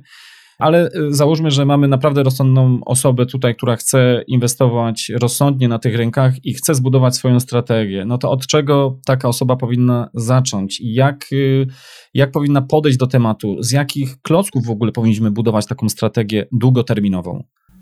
Wspominałem o mojej strategii trzech portfeli, czyli że mam poduszkę bezpieczeństwa, żeby spokojnie spać, portfel długoterminowy, który ma mi zabezpieczyć długoterminowe cele i dopiero trzeci portfel, portfel ofensywny, to dla tych osób, które mają dużo czasu, chcą się bawić, chcą próbować swoich sił dużych zakładów z rynkiem. Zostawmy ten trzeci portfel, dlatego że w większości przypadków te dwa portfele w zupełności wystarczą. Budując taki portfel długoterminowy dla swojej rodziny, ja kierowałem się bardzo konkretnymi założeniami.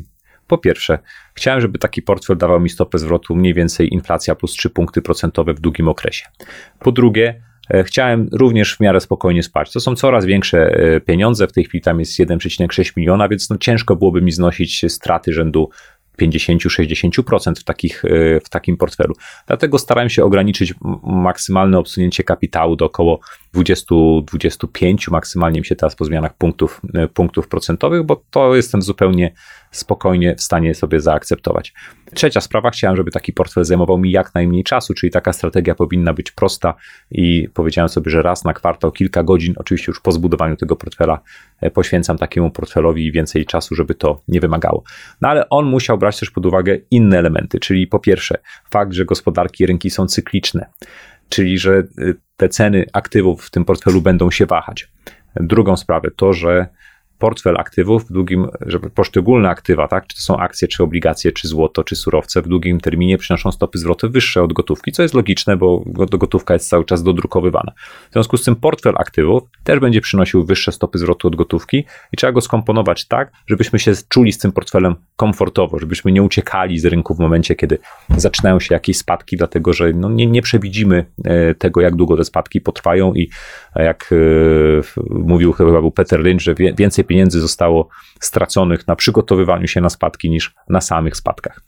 Trzecia sprawa, każda klasa aktywów, czy to złoto, czy obligacje, czy, czy akcje w długim terminie, czy gdzieś do naszej emerytury, yy, zaliczy jakiś fatalny rok czy dwa, kiedy straci 30, 40, 50%. Stąd dobrze byłoby ten portfel w odpowiedni sposób zdywersyfikować, tak aby katastroficzny rok dla danej klasy aktywów był całkiem dobrym e, rokiem dla innych klas aktywów. No i dobrze by było, żeby właśnie też w różnych scenariuszach dobrze się zachowywał, czy to scenariusz deflacyjny, czy inflacyjny, czy inny.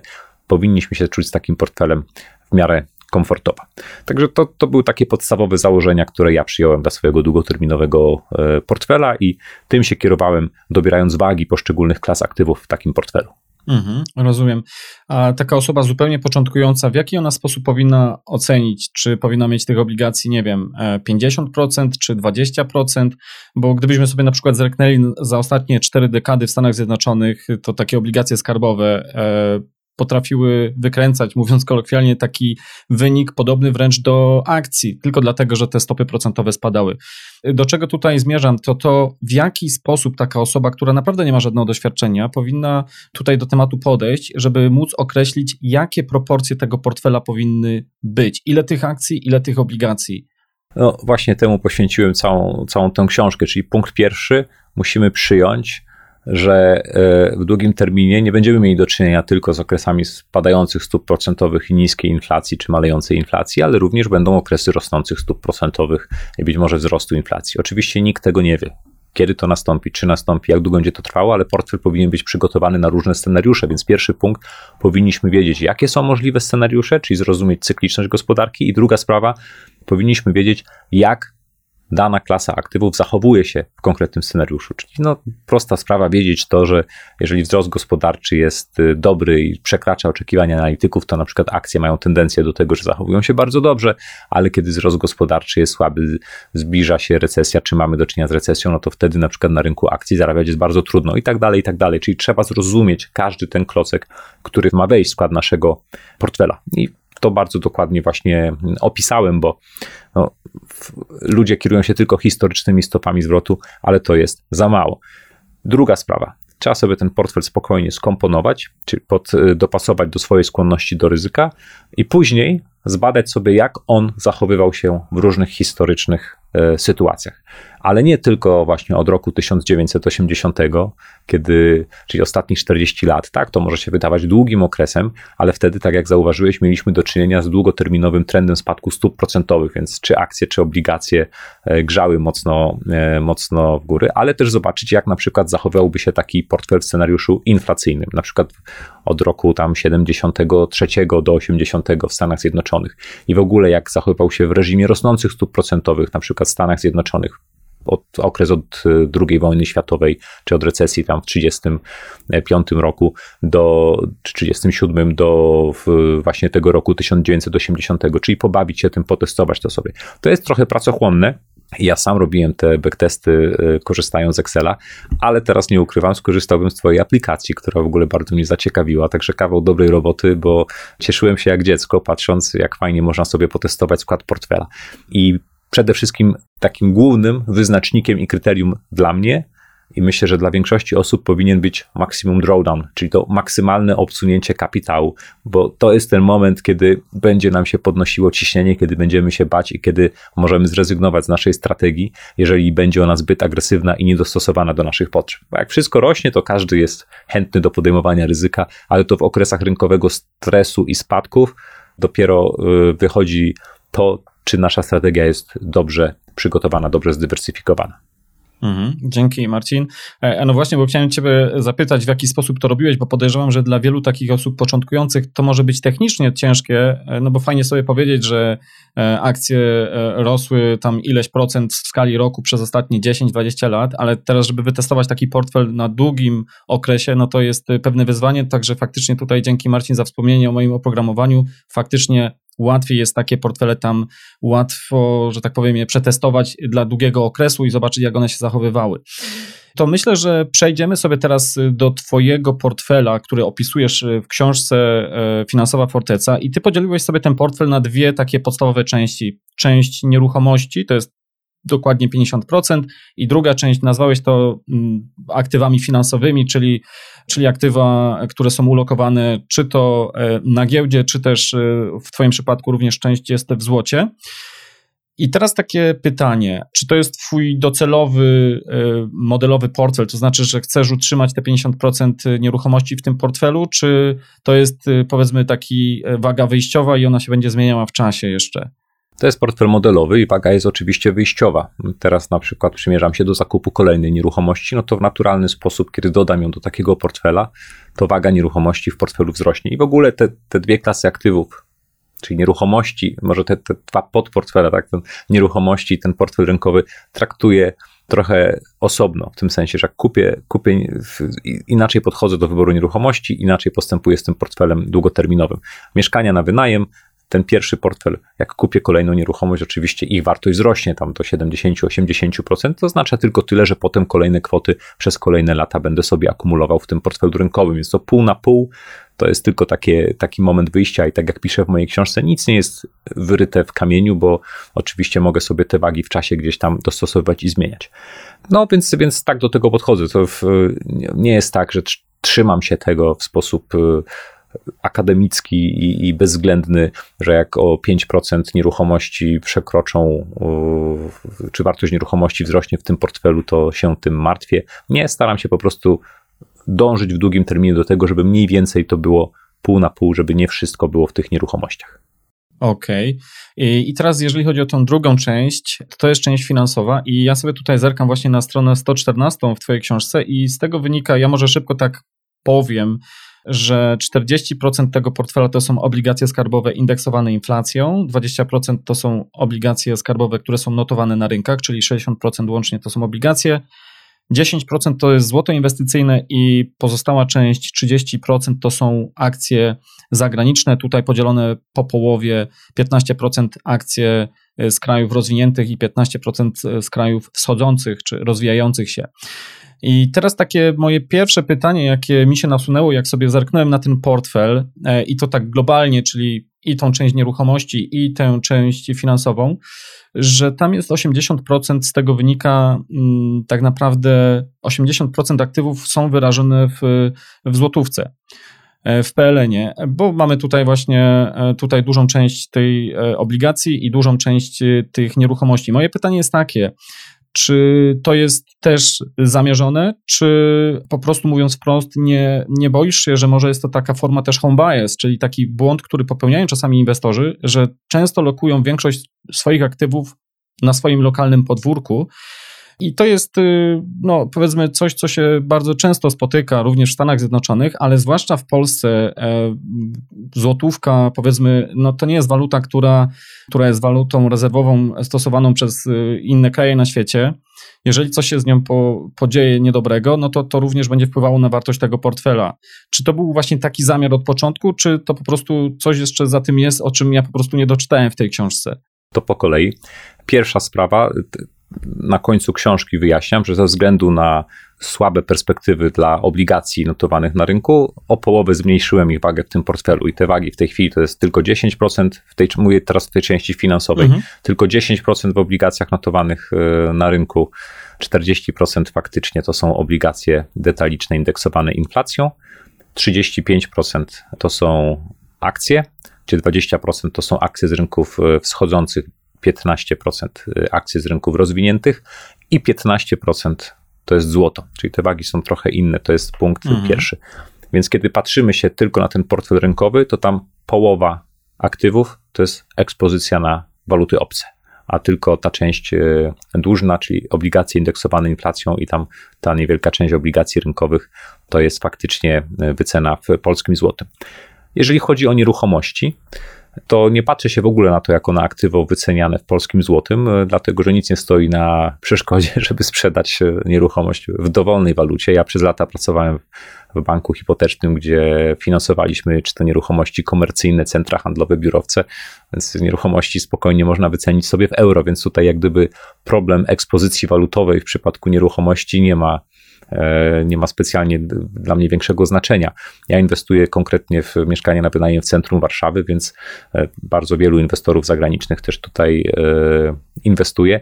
No i scenariusz upadku złotówki oznaczałby tylko tyle, że po prostu te nieruchomości będą tak jak mieliśmy już do czynienia w, historycznie w okresach bardzo wysokiej inflacji w Polsce, będą po prostu w, w innych walutach wyceniane. Więc raczej, gdybym patrzył się przez pryzmat waluty, to ja tutaj widzę 25% złotówki i 75% ekspozycji na, na waluty, jeżeli tak byśmy chcieli się patrzeć na cały ten portfel. Natomiast home bias, no tak, no mieszkam w Polsce, mieszkam w Warszawie, nie wyobrażam sobie w, e, tego, żeby mieszkania fizycznie posiadać gdzie indziej, bo za dużo z tym roboty i zachodu. E, natomiast wydaje mi się, że jeżeli popatrzymy na tę część rynkową i zobaczymy, że tam 50% to jest ekspozycja na e, inne waluty niż polski złoty, no to w porównaniu z przeciętnym inwestorem w Polsce, tam jednak ta ekspozycja na waluty jest bardzo, bardzo wysoka. I ostatni już punkt. To, co mówisz, e, Polska bankrutuje, czy, czy osłabianie się złotego, to nie jest proces, który dzieje się z dnia na dzień. W sytuacji, kiedy będą przesłanki do tego, żeby to zmienić, to bardzo szybko można tę ekspozycję zamienić na waluty obce. Rozumiem. E, to, żeby też tak dobrze wybrzmiało, to nie, nie jest tak, że ja jestem, e, wiesz, jakimś antysystemowcem i też nie oczekuję tego, nie spodziewam się, że z dnia na dzień Polska się zawali, aczkolwiek też e, no, nie jestem jakiś pełen optymizmu. No ale powiedzmy, to jest jak gdyby temat na inną historię. Natomiast generalnie z tymi nieruchomościami jeszcze tak mi naszło, że mam kolegę, który pochodzi z Lwowa i tam generalnie zdarzyło się tak, że w momencie, kiedy Rosja e, najechała Ukrainę, to faktycznie tąpnięcie na tym e, rynku mieszkaniowym było po prostu bardzo szybkie. To znaczy, to się faktycznie tam e, zadziało w przeciągu dni, tygodni, kiedy była i zarazem mocna utrata wartości lokalnej waluty i również rynku nieruchomości. Natomiast y, y, no, też nawiązując do historii takiej e, rynków finansowych, historii, która obejmuje powiedzmy dekady czy wręcz setki lat, no to tutaj faktycznie dlatego o tym też powiedziałem, że zdarza się dość często, że inwestorzy zapominają o tym, że, że państwa nie tylko, że bankrutują, ale że e, po prostu nawet całe giełdy były w przeszłości zamykane. Mieliśmy taką sytuację w Rosji, mieliśmy taką sytuację w Chinach. Oczywiście to nie chodzi o to, że ja przewiduję, że coś takiego stanie się w Polsce, Natomiast chciałem tylko, żeby to wybrzmiało, że e, to globalne inwestowanie to jest coś, co e, uważam tutaj za bardzo istotne i ty o tym też wspomniałeś, natomiast no, odniosłem wrażenie, że, że tutaj te akcenty są jednak bardzo mocno na Polskę nastawione. A w jaki sposób inwestowałbyś fizyczne nieruchomości? Wiesz co, w takiej jeżeli chodzi o nieruchomości, ja generalnie z nieruchomościami powiem szczerze, nie jestem ekspertem e, i jeżeli bym już jakieś nieruchomości kupował, prawdopodobnie byłyby to rejty. Natomiast wychodzę z założenia, że posiadając swoje e, mieszkania, w których nie mieszkam, to już jest y, ta moja ekspozycja na te nieruchomości dość istotna i ona faktycznie jest w Polsce. Więc z tej perspektywy ja osobiście nie myślę o kupowaniu mieszkań pod kątem inwestycyjnym w Polsce, ale też, jak powiedziałem, nie znam się na tym prawdopodobnie myślałbym o rejtach. Jak dla mnie rejty mają bardzo wysoką e, mhm. korelację z rynkiem akcji. Tak? Mhm. No, year to date tam minus 20, chyba 7% większość amerykańskich rejtów. Mhm. No, to są głównie te income producing real estate wylewarowane, więc to jest, dla mnie mhm. osobiście to jest trochę taka odmiana akcji. I kiedy zastanawiałem się nad tym, bo oczywiście tak też e, brałem, brałem to pod uwagę, stwierdziłem, że nie spełni to tej roli, którą ma spełnić, czy nie da mi tego spokojnego snu i drawdowny będą zdecydowanie wtedy głębiej głębsze niż w przypadku fizycznych e, takich nieruchomości. Poza tym nieprzerwanie wynajmuję nieruchomości od 2003 roku i jestem z tego bardzo, bardzo zadowolony. Pamiętam jak dziś 2008 rok, kiedy giełdy traciły po 60%. Spojrzenie na nieruchomość i stwierdzenie mury to jednak mury też bardzo pomaga trzymać się strategii. Mhm. Ja myślę, że tutaj też jest taka ciekawa sytuacja, że my nie widzimy w czasie rzeczywistym wycen tych nieruchomości i wtedy e, ludzie są zwykle spokojniejsi. Niestety w przypadku rate'ów, czy w przypadku rynku akcji, e, czy nawet obligacji, te wyceny są w czasie rzeczywistym i wtedy te emocje bardziej tutaj dochodzą do, do głosu. Bo oczywiście, że te nieruchomości również gdzieś tam fluktuują ich wartość, natomiast y, też trzeba przyznać, że ostatnie lata były po prostu dość szczęśliwe dla tego rynku nieruchomości. Mm, ja jeszcze o tej złotówce też wspominałem dlatego, że y, w książce padało takie stwierdzenie, że tutaj e, na przykład dolar może być zagrożony w przyszłości przez to, że y, polityka, jaka teraz jest prowadzona przez Stany Zjednoczone, polegająca na drukowaniu, tak kolokwialnie mówiąc, tego dolara, po prostu niszczy tę walutę. I dlatego też tak się zastanawiałem, na, e, co by się stało wówczas z polskim złotym, jeżeli e, dolar będzie naprawdę w odwrocie to czy mm, wtedy polska waluta mimo wszystko potrafi e, być, zachować swoją siłę i, i nie tracić na wartości również, czyli to by oznaczało generalnie e, to, że e, Stany Zjednoczone będąc w odwrocie, czyli generalnie mamy czynnik ryzyka i generalnie wtedy jest odpływ od tych powiedzmy walut mniej stabilnych czy rynków mniej stabilnych, czyli w stronę bardziej stabilnych. I wtedy obawiam się, że złotówka również mogłaby mocno oberwać, już nie mówiąc jak są też osoby, które mówią na przykład o upadku Unii Europejskiej, no wtedy to w ogóle z polską giełdą i z polskim rynkiem i z polską walutą e, podejrzewam byłoby bardzo, bardzo, e, e, bardzo krucho można prześledzić sobie historię, co się działo w przeszłości, w sytuacji, kiedy mhm. jakieś państwo traciło rolę hegemona w gospodarce. Mieliśmy do czynienia z tym, jak w XVI-XVII wieku Holandia przejmowała schedę po e, Hiszpanii, później Wielka Brytania, XIX wiek po Holandii, e, następnie Stany Zjednoczone po Wielkiej Brytanii e, i teraz wiele wskazuje na to, że Chiny przejmują pałeczkę od Stanów Zjednoczonych. I zwykle w kilkanaście, no kilkanaście za mało, ale kilkadziesiąt lat po zmianie globalnego lidera pod kątem gospodarki dochodziło również do zmiany waluty, waluty rezerwowej, więc takie rzeczy się dzieją, ale one się dzieją w bardzo, bardzo długim terminie. To, jak zachowa się złotówka i czy to będzie złotówka, czy euro i co się będzie działo ze złotówką, jak e, dolar miałby się osłabiać, to są, to są sprawy naprawdę bardzo, bardzo mm, e, odległe. I wydaje mi się, że portfel, wiesz, całe życie możemy spędzić czekając na, na rozwój katastroficznego scenariusza. Moim zdaniem nie na tym polega inwestowanie. Inwestowanie polega na tym, żeby na spokojnie podejmować dobrze skalkulowane ryzyko i wiedząc, yy, jakie jest to ryzyko, pozwolić sobie na tym zarabiać. Więc póki co nie boję się, nie boję się strasznego osłabienia złotówki do dolara, co nie znaczy, że za 5 lat y, ten strach nie będzie większy i na przykład wtedy sobie tej ekspozycji nie będę chciał zmienić. Tutaj no, przecież tu jest pełna elastyczność i mhm. nic nie jest wyryte w kamieniu. Jasne, oczywiście. E, ja tak po prostu celowo zadaję nawet te pytania, żeby właśnie nieco pod włos y, tutaj prowokować y, słuchaczy, czy widzów, y, czy czytelników w przyszłości do tego, żeby właśnie e, kwestionować pewne rzeczy przy konstrukcji swojego portfela. I to też dlatego, że ta historia uczy, że globalny portfel czy globalna ekspozycja e, e, na globalne rynki w portfelu jest po prostu czymś właściwym, dlatego że my wtedy nie musimy przewidywać czy Chiny już zastąpią hegemonię Stanów Zjednoczonych, czy być może jeszcze Stany Zjednoczone będą kolejny wiek lub dwa i czy będzie upadek naszej lokalnej waluty, czy nie. Dlatego też, jak po prostu globalnie się inwestuje, to ten problem jest, że tak powiem, rozproszony, czy to ryzyko jest rozproszone. Ale chciałem właśnie podpytać jeszcze w kontekście obligacji, bo być może to tutaj uściślisz. Te obligacje, jeżeli chodzi o obligacje skarbowe, to one są indeksowane inflacją i mówimy tutaj o polskich obligacjach, prawda? Tak. I również jest druga część obligacji skarbowych notowanych na rynkach, to też są obligacje polskie, tak? Tak. Czyli de facto mamy tam, nie wiem, w tych nowych wagach to tych obligacji jest tam ponad w tej części finansowej około 50%, być może nieco więcej. Połowa, 50%. Czy w tym kontekście, oczywiście obligacje są znacznie bardziej płynne, ale czy tutaj nie obawiasz się, że to ryzyko jest mocno skupione na Polsce? No, a powiedz mi, jak sobie wyobrażasz e, scenariusz, w którym obligacja polska indeksowana inflacją okaże się fatalną decyzją inwestycyjną, która będzie mi spędzała sens powiek? W jakim scenariuszu to się może wydarzyć?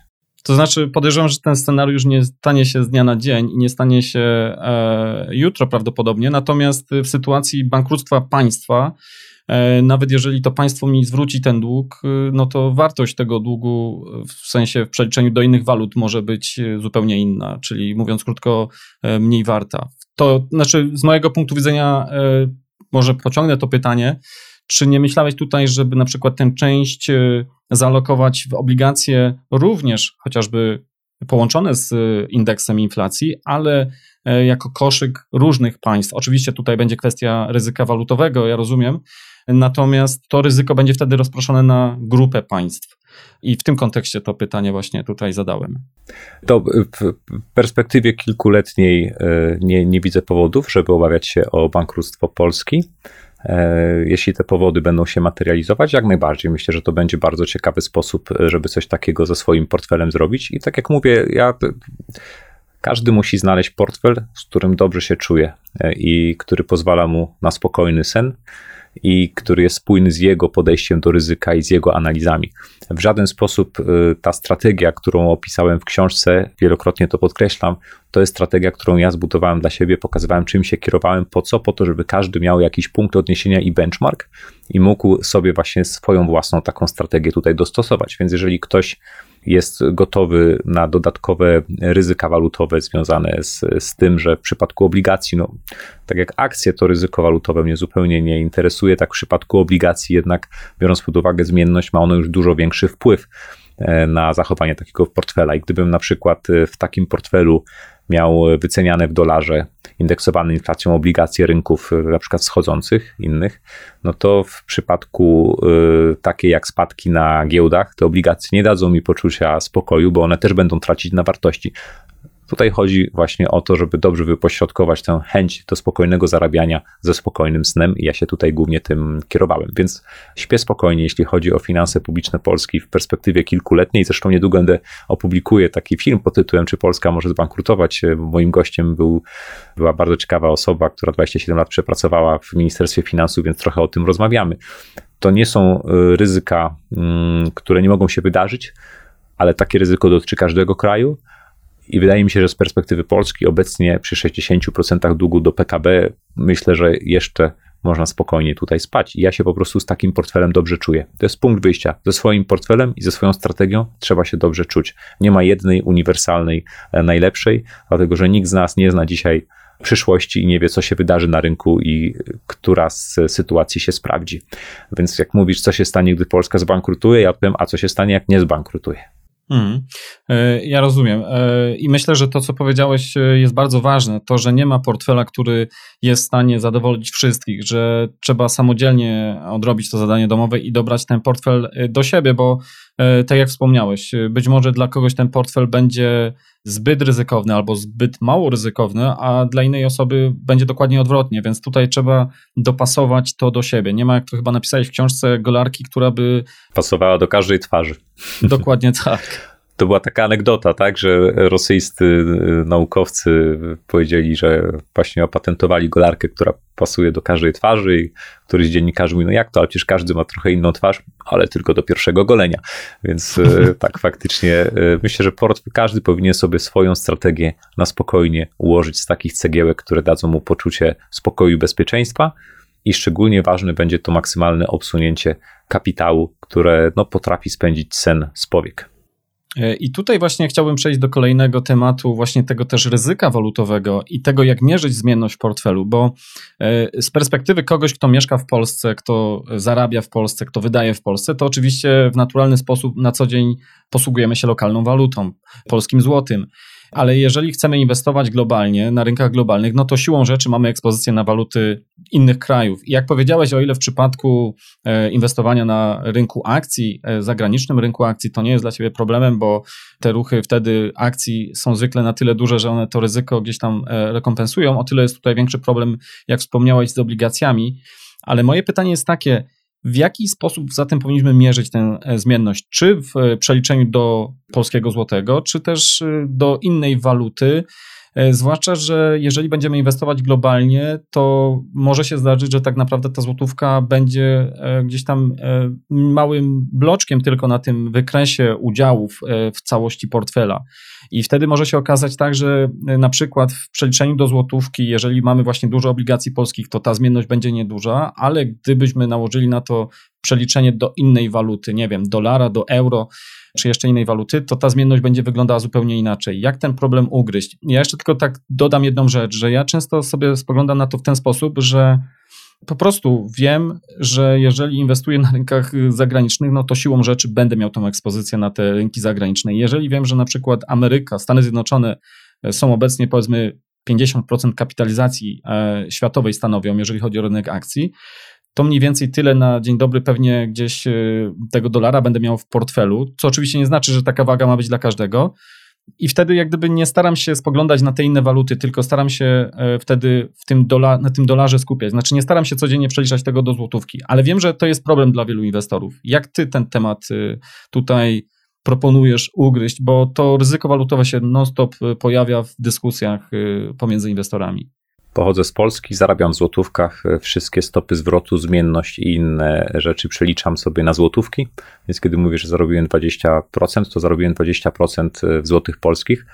Paradoksalnie na przykład w przypadku akcji zmienność czyli po przeliczeniu na złotówkę, w, szczególnie w takich okresach stresu jest niższa. No tutaj przykładem może być 2008 rok, amerykańska giełda tam spadała już blisko 60%, no ale złoty się o 20 chyba kilka procent osłabił w stosunku do dolara amerykańskiego, więc tak naprawdę po przeliczeniu na złotówki strata w naszym portfelu to było około 30 punktów procentowych, więc y, przeliczam wszystko na złotówki dokładnie tak, jak byłbym, nie wiem, polskim funduszem inwestycyjnym, który raportuje wyniki w Polsce.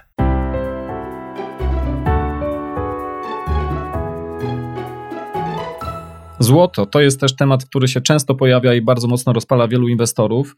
I Generalnie mm, różne są co do tego, e, do tego złota opinie. Myślę, że przynajmniej moja opinia, opinia prywatna jest taka, że e, jako pewien element portfela jak najbardziej to ma sens, natomiast na pewno nie, nie szedłbym tak, że przeważałbym tego złota w portfelu. Chciałbym poznać, jaka jest Twoja opinia co do tego złota. Na przykład w kontekście takim, że często się mówi o tym złocie, że to jest taki dobry hedge, czyli dobre zabezpieczenie do inflacji. Zdarza się, że ludzie są zaskoczeni, jak się im mówi, że między rokiem 1980 a 2019 stopa zwrotu złota po uwzględnieniu inflacji jest ujemna. Ja już nie pamiętam, tam jest procent z hakiem, minus procent z hakiem, ale przez 40 lat złoto nie tyle, że nie uchroniło przed tą inflacją, to ono jeszcze po prostu wygenerowało stratę. Oczywiście, gdybyśmy wzięli od początku lat 70., stopa zwrotu jest tam e, dodatnia, nawet po uwzględnieniu inflacji, to jest tam ponad 3%. Natomiast jak ty do tego tematu podchodzisz i czy być może to, e, w jakim miejscu teraz jesteśmy, czyli e, to, o czym mówi na przykład Ray Dalio, że faktycznie ta gotówka taka, która jest emitowana, czy pieniądz taki fiducjarny, to on po prostu będzie tracił na wartości i to złoto w tym momencie momencie nabiera więcej sensu. Jak ty to postrzegasz? No mam 15% złota w tej części rynkowej swojego długoterminowego portfela. Więc to jest na swój sposób odpowiedź.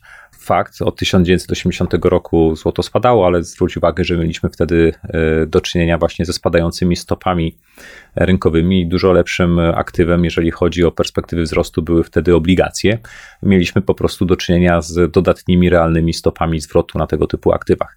W tej chwili, gdy rentowności obligacji wielu krajów są już ujemne i mamy miliardy dolarów zainwestowanych e, w dług, no to pytanie, jak długo inwestorzy globalni będą chcieli mm, dopłacać do tego, że trzymają obligacje w swoim portfelu.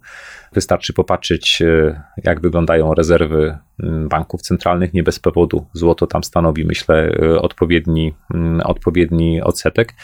I no, ja kiedyś miałem podejście takie jak Warren Buffett, który mówił, co tam złoto, można sobie tylko na nie popatrzeć, bo ono tylko e, świeci, ale zdecydowanie bardziej przemawia do mnie argumentacja Reya Dalio i jego krótkie zdanie, że kto nie ma złota w portfelu, ten po prostu nie zna historii, więc coś w tym jest. Ja y, ze względu na, znów nie patrzę się na aktywa osobno, tak? Czyli nie, nie inwestuję wszystkiego w złoto, ale jest to element portfela, który chcę mieć, bo w sytuacji szczególnie właśnie takich e, stresów rynkowych, czy załamania się wiary we współczesny system finansowy, czy jakiegoś zmożonego, zmożonej ucieczki od obligacji notowanych na rynku i generalnie okresy ujemnych, realnych stóp procentowych e, dość e, zwykle sprzyjały temu, temu kruszcowi, więc zobaczymy. Mam długoterminowe nastawienie, więc pamiętam zawsze, kiedy kupowałem złoto, miałem wrażenie, że ono jest drogie. Ale kiedy dzisiaj sobie zadaję pytanie, czy za 30 lat, jak będę chciał skorzystać z mojego odłożonego kapitału, sprzedam moje sztabki złota i monety bulionowe za większą kwotę niż dzisiaj za nie wydaję? Myślę, że z ogromnym prawdopodobieństwem tak. Rozumiem. Ja z ciekawości zrobiłem sobie taki test y, Twojego portfela właśnie w swoim oprogramowaniu i tam rozbiłem sobie na te dwie części, czyli tą część y, finansową i też globalny z nieruchomościami. I, i to takie dość ciekawe dla mnie przynajmniej doświadczenie było. Oczywiście z perspektywy niestety inwestora ze Stanów Zjednoczonych, jeżeli przede wszystkim chcemy zrobić taką symulację gdzieś y, od lat 70., no ciężko jest tutaj zastosować polskie aktywa, polską stopę inflacji i tak dalej. I ja te wyniki też opublikuję. Ta część finansowa ona się całkowicie w dużej mierze pokrywa z tym, co ty też również tam liczyłeś, chociaż mamy nieco inne komponenty, więc te zmiany są naturalne. Ja tam sobie dałem właśnie też skład portfela taki, który jest w książce e, na tej stronie 114, później się to zmieniło, ale tak z ciekawości, żeby nie przedłużać. Nie, bo do, do historycznych backtestów to jest właściwy skład, bo to od ta zmiana, której dokonałem, ja to napisałem w książce, to jest zmiana, którą dokonuję w, w tym roku, czyli to wycięcie, wycięcie o połowę obligacji notowanych na rynku. Rozumiem, ale ta część powiedzmy e, backtestu, która bazowała na tej, e, na tej części portfela opisanej w książce, na początku książki, to ta część finansowa, ona miała tak dla ciekawości, dla nas słuchających, ja to później zamieszczę na stronie, e, średnią roczną stopę zwrotu 8,8%, po uwzględnieniu inflacji w Stanach Zjednoczonych to jest 4,7% i maksymalne obsunięcie, maximal drawdown, jak to właśnie się określa, to jest tam 20 z małym e, ogonkiem, e, minus 20%. Czyli to jest taki powiedzmy bardzo stabilny portfel. I to jest też takie pytanie, czy to jest y, faktycznie tak, że uważasz, że w, będąc w sumie młodym człowiekiem, y, ty po prostu nie chcesz więcej tej, nie, tej e, niepewności w portfelu, tej większej zmienności, bo jak się tak studiuje te rynki finansowe długo, a mam pewną wręcz fobię chyba na tym już teraz y, przy okazji oprogramowania, które tworzyłem, to tu widać ewidentnie, że taką walutą za te zyski, za to, ile mogą nam rynki tutaj pomnożyć ten kapitał, to jest po prostu ta zmienność. To znaczy, jeżeli ktoś y, w mądry sposób, ale jednak y, dopuści trochę tej zmienności do portfela, to może w długim okresie oczywiście oczekiwać większych zysków. Czy z Twojej strony to było takie w pełni świadome, że Ty właśnie nie chcesz, y, nawet y, wiedząc, że rezygnujesz z części zysku, po prostu chcesz mieć święty spokój i nie chcesz większej niepewności w portfelu, tak jak tutaj mówiłem, za ostatnie niespełna 50 lat, 47 y, lat, to maksymalnie spadł ten portfel, jego wartość o 20%. W tym portfelu długoterminowym celuję sobie w te około 3 punkty procentowe ponad inflację, to mnie całkowicie satysfakcjonuje nie chcę tam większej zmienności. Ja przeżyłem e, rok 2002, przeżyłem rok 2008, wartość tego portfela jest coraz większa. Jak sobie tutaj spokojnie spać i powiem ci naprawdę, jak widzisz kilkaset tysięcy złotych straty na portfelu, to nie tak łatwo przelicza się to e, na procenty. Natomiast mam portfel ofensywny, trzeci portfel, tak, w którym jestem w stanie zaryzykować 100% kapitału po to, żeby wyciągać wyższe zyski i to jest to jest księgowanie mentalne, ale to jest miejsce na to, żeby e, w ogóle nie przejmować się zmiennością i podejmować bardzo wysokie ryzyko. Ale ten portfel, który ma zabezpieczyć moje długoterminowe cele, on ma się dokładnie zachowywać tak, jak sobie to zdefiniowałem i widzę, że te twoje backtesty e, potwierdzają to. E, no, trzeba też powiedzieć, że 5% stopy zwrotu średnio rocznie powyżej inflacji, e, zwłaszcza w tak długim okresie, to jest e, świetna stopa zwrotu i to tak, żeby uzmysłowić słuchaczom tym mniej zaawansowanym, którzy być może myślą o zyskach liczonych w dziesiątkach procent rocznie, naprawdę to jest coś, y, co pozwala spokojnie żyć. Jakby się tak udawało robić jeszcze w przyszłości, to ja spokojnie w ciemno biorę portfel, który mi da gwarancję, że przez kolejne 30 lat będę miał 4 czy 5% y, powyżej inflacji każdego roku. Ale wiesz, że żaden portfel takiej gwarancji nie daje, nie? Bo to niestety, są jednak niestety. backtest historyczny. I w ogóle, y, jeszcze przepraszam, że wejdę ci w zdanie, jesteśmy w takim szczególnym też momencie historii, kiedy stopa wolna od ryzyka jest praktycznie na poziomie zero. W związku z tym oczekiwane stopy zwrotu w zakresie wszystkich klas aktywów e, są w tej chwili tak naprawdę niższe, więc nie sądzę, żeby przez kolejnych 10 lat ten portfel generował tam tych 5% ponad e, inflację. Myślę, że te trzy są bardziej, bardziej e, realne. Dodatkowo mówimy tutaj też o portfelu przygotowanym na różne scenariusze rynkowe, które się rozegrają. Dlatego właśnie czuję się z tym portfelem bardzo komfortowo. Mhm. No ja właśnie myślę, że e, trzeba takie scenariusze różne przyjmować. Znaczy, gdyby ktoś tylko zerknął sobie na ostatnie 10 lat i popatrzył, że rynek akcji w Stanach Zjednoczonych idzie w górę i, i wtedy all in, to może być e, źle. E, wspomniałeś o tym księgowaniu mentalnym i myślę, że to, to jeszcze tak, co prawda mieliśmy mówić o praktycznych e, aspektach, ale to w sumie też jest praktyczne, że w gruncie rzeczy to jest też potrzebne, żebyśmy sami takie haki na swoje, na siebie, że tak powiem, stosowali, żeby nam łatwiej było wytrwać tą strategią. I tak jak wspomniałeś tutaj, księgowanie mentalne polegające na tym, że masz y, trzy oddzielne kubki, e, w których lokujesz ten kapitał z różnym nastawieniem na ryzyko. Jakie jeszcze inne tutaj haki, że tak powiem, mentalne na siebie stosujesz, żeby łatwiej ci było wytrwać z tą strategią, którą konkretnie sobie uszyłeś dla siebie? Wiesz, ona jest, ta, ta zmienność jest na tyle nieduża, że tutaj już jakichś specjalnych haków mentalnych nie trzeba stosować. Jedyne co, to jeżeli się za bardzo te wagi rozjeżdżają, to w, w, zrobić rebalancing, e, rozumiany nie jako sposób na podkręcenie stopy zwrotu. Ja patrzę się na rebalancing jako sposób na zachowanie poziomu ryzyka w portfelu na niezmienionym poziomie. To jest jakby główny cel, dla którego ja stosuję rebalancing, to jest to, żeby profil ryzyka portfela pozostał niezmieniony. I tyle tak naprawdę. I później konsekwentnie sobie ten portfel, on, on, cały czas oczywiście rośnie, nie tylko dlatego, że rośnie wartość tych aktywów, ale ja cały czas tam sobie miesiąc w miesiąc e, dopłacam i staram się w taki sposób e, te pieniądze lokować, e, żeby właśnie mieć tę pewność, na tyle, na ile można być czegokolwiek pewnym odnośnie przyszłości, ale wiedzieć, że spokojnie ta moja finansowa forteza sobie rośnie, ten mur obronny, czyli ten drugi portfel jest coraz grubszy.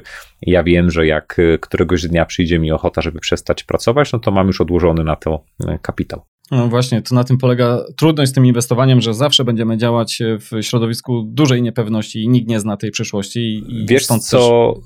co bardzo również pomaga? Właśnie to, że to jest portfel długoterminowy. Mhm. Że kiedy widzę jakieś tam spadki na rynkach o 20% e, na akcji, to myślę sobie, tak. jakie to będzie miało znaczenie z perspektywy 40 lat, 30 lat, 20 lat. E, prawdopodobnie niewielkie. Czy na przykład jak kupuję teraz mieszkanie na wynajem i słyszę, że ach, jest bańka spekulacyjna, chociaż ja nie widzę objawu bańki spekulacyjnej, no jeśli ceny tych mieszkań spadną o 10-15%, jakie to będzie miało znaczenie z perspektywy tego, jaka będzie cena takich mieszkań za lat 20 czy 30. Więc z takim długoterminowym nastawieniem dużo bardziej komfortowo w takim portfelu się inwestuje. W tym ofensywnym no już zupełnie inaczej. Tam mam krótszą perspektywę, tam chcę wycisnąć po prostu ze swojego kapitału e, jak najwięcej w zamian za podjęcie dużego ryzyka, czyli faktycznie tam może być takie all-in jakąś jedną e, inwestycję, ale nawet jak tam stracę pieniądze, to wiem spokojnie luz, bo to mam zabezpieczone, tu mam zabezpieczone cele długoterminowe, tu jeszcze poducha bezpieczeństwa, bajka. Mhm. Rozumiem. E, to już tak, żeby zamknąć temat y, Twoich portfeli tutaj, e, jeżeli chodzi też o ten backtesting, y, przynajmniej wykonany przeze mnie, to zrobiłem też z ciekawości, ale to już bardziej tak dla naprawdę ciekawości, z tą częścią, gdybyśmy dołączyli sobie nieruchomości. Oczywiście to nie jest y, porównywalne, bo tutaj za nieruchomości wziąłem sobie rynek nieruchomości w Stanach Zjednoczonych, e, więc to ma się nijak do tego, co było w Polsce w tym czasie. Jeśli wziąłeś rejty, to one mają dużą korelację z akcjami, więc na pewno tak, drawdown będzie tak. wyższy ale dla ciekawości tutaj nas, y, widzów y, i słuchających, y, wartość, znaczy stopa zwrotu takiego portfela, jak dołączymy nieruchomości, ona wzrosła, bo jest większa. Tam mieliśmy, przypomnę, 4,7 powyżej inflacji procenta każdego roku średniorocznie. Tutaj jest prawie 5,6%, czyli no jest to zdecydowanie duża poprawa i to na przestrzeni dziesiątek lat to to robi ogromną różnicę, natomiast y, też y, tutaj spadek w portfelu też się e, podwoił, bo e, mamy 40 ponad procent. Ale to mówię, to jest, ciężko jest to odnieść do polskich realiów, bo, bo to nie, nie ten rynek. Cały okres, ze względu na to, jak rejty są wyceniane, że to są te income producing real estate y, i on, ich wartość też rośnie, jak spadają stopy kapitalizacji, więc od 80 lat one one szalały, e, a ja tutaj inwestuję fizycznie w rynek mieszkań w Polsce e, i tak naprawdę bardzo konkretne nieruchomości w centrum Warszawy, więc to jest zupełnie moim zdaniem inna jednak klasa aktywów i e, no myślę, że ten drawdown nie byłby aż tak. Wysoki. Mhm, Ale nawet gdyby był, to, to zupełnie inaczej znosi się, zresztą zwróciłeś na to uwagę, znosi się spadek ceny mieszkania, które wynajmujesz na papierze i myślisz sobie, e, za 20 lat będzie dużo droższe niż e, jak widzisz w portfelu, że taki rate spada ci o 20 czy 30%. To drugie jest zdecydowanie trudniej znieść.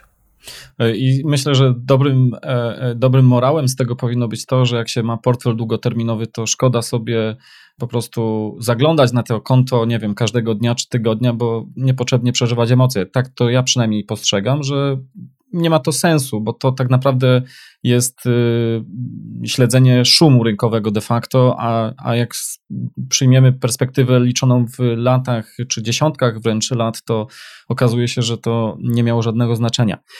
Wspomniałeś o rebalansingu i to jest też temat, który chciałem tutaj poruszyć, bo to, że my sobie jakieś tam ustalimy wagi w tym portfelu, to jest jedno, no ale z czasem oczywiście e, te wagi się rozjeżdżają, mogą się rozjechać bardzo szybko, nawet tego samego dnia de facto. I trzeba przeprowadzić rebalancing, czyli przeprowadzić taką operację na tym portfelu, żeby przywrócić te wagi. W jaki ty sposób przeprowadzasz ten rebalancing e, na swoim portfelu i dlaczego? Czytałem dużo analiz na temat tego, mhm. jaki rebalancing jest najbardziej skuteczny, i generalnie konkluzje były takie, że e, nie ma tutaj jednej recepty. Rebalansowane portfele mają zbliżone stopy, y, y, stopy zwrotu. Grunt, żeby to robić i brać pod uwagę ewentualne koszty, czyli żeby fakt, że sprzedajemy i kupujemy jakieś aktywa i płacimy za to prowizję, trzeba sobie zadać pytanie, czy faktycznie wart jest tego, żeby delikatnie o 1 czy 2 punkty procentowe zmienić na przykład wagi jakichś aktywów w portfelu. Więc y, no ja stara, tak sobie myślę, że tak jak około 10% jakiejś pozycji, czyli nie wiem, jakieś albo 3 punkty procentowe E, gdzieś to się zmieni, czyli nie wiem, jak akcje wzrosną z 35% do 38% czy tam 39%, no to wtedy pewnie bym myślał o jakimś rebalansingu i robię to w taki sposób, że jak e, raz na kwartał sobie tam do tego portfela zaglądam, podliczam wszystkie wyniki i widzę jakieś większe odchylenie, no to wtedy zwykle podejmuję na przykład decyzję, żeby przez kolejny kwartał pieniądze kierować do tej klasy aktywów, której waga najbardziej e, spadła. Staram się to też optymalizować pod względem kosztów. Można oczywiście e, robić to jeszcze bardziej mm, efektywnie. Można sobie założyć sztywno, czy się to odchyli o 10%, czy 20%, czy 30% czy to e, będzie bardziej skuteczne? No mamy tylko dane historyczne i dane historyczne odpowiedzą nam, że gdybyśmy w przeszłości rebalansowali w taki, a nie inny sposób, to najbardziej optymalną techniką byłaby technika, nie wiem, o 20 powiedzmy procent, jak się odchyli, dopiero robić rebalancing ale fakt jest taki, że to jest sprawa losowa i będzie zależało od tego, jak poszczególne aktywa zachowają się w przyszłości. I dopiero, nie wiem, za 30 czy 40 lat teraz poznamy odpowiedź na pytanie, jaki rebalancing y, byłby najlepszy, żeby odnieść najlepszą stopę zwrotu. Jeszcze raz powtórzę, dla mnie rebalancing to jest sposób na zarządzanie ryzykiem, a nie na maksymalizowanie stopy zwrotu. Czyli w momencie, kiedy na przykład akcje w portfelu mocno rosną, to ścinam je, przywracam wagi do poziomu wyjściowego w moim portfelu. No i poniekąd w ten sposób sprzedaję te droższe akcje, tak, a kupuję aktywa, aktywa tańsze. Ale tutaj każdy musi znaleźć swoją receptę na to, bo tak jak mówię, e, nie sposób tego zoptymalizować. Można to zoptymalizować, jeśli chodzi o historyczne dane, ale pamiętajmy, my jesteśmy dzisiaj, a wyniki e, naszej strategii poznamy za lat 10, 20, 30, a wtedy poszczególne aktywa mogą się zachować inaczej i inny sposób i inna częstotliwość rebalansingu może mieć większy, większy, e, większe znaczenie. No tutaj jeszcze mogę dodać ze swojej strony, że bardzo istotne jest to, żeby ten rebalancing po prostu wykonywać. E, to, w jaki sposób to jest, może być całkiem e, obszerny temat. Moglibyśmy pewnie oso osobny odcinek e, o tym nagrać. Natomiast dla ciekawości, taki portfel 60-40, 60% akcje, 40% obligacje, to taki portfel w okresie stuletnim, gdyby nie był w nim przeprowadzany rebalancing, zamieniłby się w portfel 99.1, to znaczy byłyby praktycznie w nim same akcje. Tak jest. I po to właśnie ten rebalancing jest potrzebny. Mm, ponieważ już mamy mało tego czasu, a jest to ciekawy temat, też nie ukrywam, bo sam ostatnio sporo w, z tym rebalancingiem robiłem, ale myślę, że ponieważ to jest powiedzmy o, temat dla bardziej osób powiedzmy mniej zaawansowanych, to niech zostanie na tym, żeby ten rebalancing po prostu robić, a mniej ważne w jaki jeszcze sposób. Założyć sobie raz w roku, raz na pół roku, mhm. nie częściej raczej pewnie niż raz na kwartał. No, są różne podejścia. Okej, okay, to myślę, że jeżeli chodzi o te tematy wokół Twojego portfela, e, to sobie zamkniemy temat. Ja mam tutaj na koniec e, takich kilka tematów różnych i też pytania od słuchaczy jeszcze się pojawiły. I taki temat, taka wisienka na torcie, przynajmniej z mojej perspektywy. E, ja wiem, że Ty masz, Ty pracowałeś również w funduszach inwestycyjnych, w TFI, prawda? I tutaj w swojej książce napisałeś wiele na ten temat. To znaczy, starałeś się to ugryźć e, z jednej strony, pokazując pozytywy i, i negatywne strony e, inwestowania poprzez fundusze, ale też napisałeś, że masz słabość do tych TFI, co podejrzewam może wynika z faktu, że po prostu pracowałeś w TFI. Ale pytanie jest takie, jeżeli TFI pobierają opłaty, które są po prostu horrendalne i one mm, powodują w dużej części to, że te TFI czyli fundusze inwestycyjne aktywnie zarządzane, de facto przegrywają w długim okresie z, z pasywnymi e, indeksami, z szerokim rynkiem, mówiąc tak zupełnie wprost. To jaki jest sens pakować się w te fundusze, jeżeli e, mamy większą szansę, że przegramy z tym rynkiem? Po prostu, czy nie lepiej jest wziąć to, co rynek nam daje i mieć pewność, przynajmniej e, gwarancję wręcz, że będziemy mieć tyle, co rynek nam zaoferuje?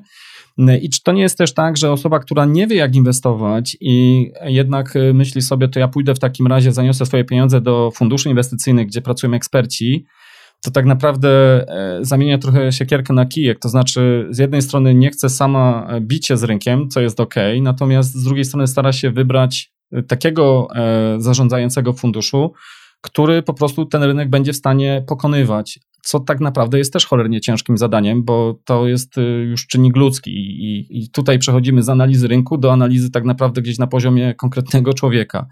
Więc moje pytanie jest y, takie, czy jaki jest sens w takim razie, mm, żeby w ogóle korzystać z produktów towarzystw funduszy inwestycyjnych z Twojej perspektywy? Napisałem, że mam słabość do funduszy z dwóch powodów, bo znam dobrze tę branżę od podszewki i wiem, jak e, faktycznie wygląda zarządzanie takimi e, funduszami, bo ja nie zarządzałem funduszami, ale spędziłem długie godziny z zarządzającymi na dyskusjach o tym, jak to się robi, więc znam to naprawdę od e, podszewki ale pomimo tego, że mam tę słabość, napisałem też wyraźnie, że nie jestem ślepy na wady funduszy. I oczywiście największą wadą tych funduszy jest wysoka, bardzo wysoka opłata za zarządzanie. Więc jeśli się mnie pytasz, czy jest sens inwestować w fundusz aktywny, e, jeżeli masz do wyboru fundusz pasywny, to tak jak napisałem, nie, nie ma sensu. Zdecydowanie i sam wybieram też ETF-y, więc to jest oczywiste. Kiedy ma sens inwestowanie w fundusze? Kiedy? Wtedy, kiedy nie masz sensownych alternatyw dostępnych na rynku. Na przykład chcesz inwestować w ETF-y w ramach IKE. Nie było takiej opcji przed y, grudniem ubiegłego roku. Jak tylko się taka opcja pojawiła, to ja zmigrowałem swoje IKE z funduszy do IKE w domu maklerskim, żeby móc inwestować w ETF-y. Druga sprawa, chcesz na przykład zainwestować w polskie obligacje notowane na rynku, teraz nie najlepszy pomysł, choć wiele ludzi to robi, ale nie robią tego, ale podaję jako przykład. No, nie zbudujesz sobie za pośrednictwem ETF-u czy, czy, takiej ekspozycji, ale nawet ta ekspozycja, którą ja buduję w tym portfelu jest pół na pół. Jest tylko połowa jest w funduszu aktywnym, połowa jest w funduszu indeksowym InPZU.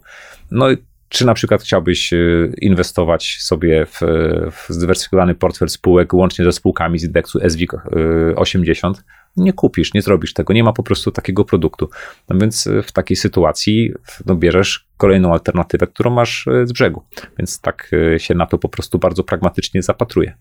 Mhm. A czy ty korzystasz y, nadal, czy to jest już przeszłość? W sensie, jeżeli chodzi o twój portfel, czy, czy nadal masz w portfelu jakieś fundusze, czy już teraz głównie są ETF-y?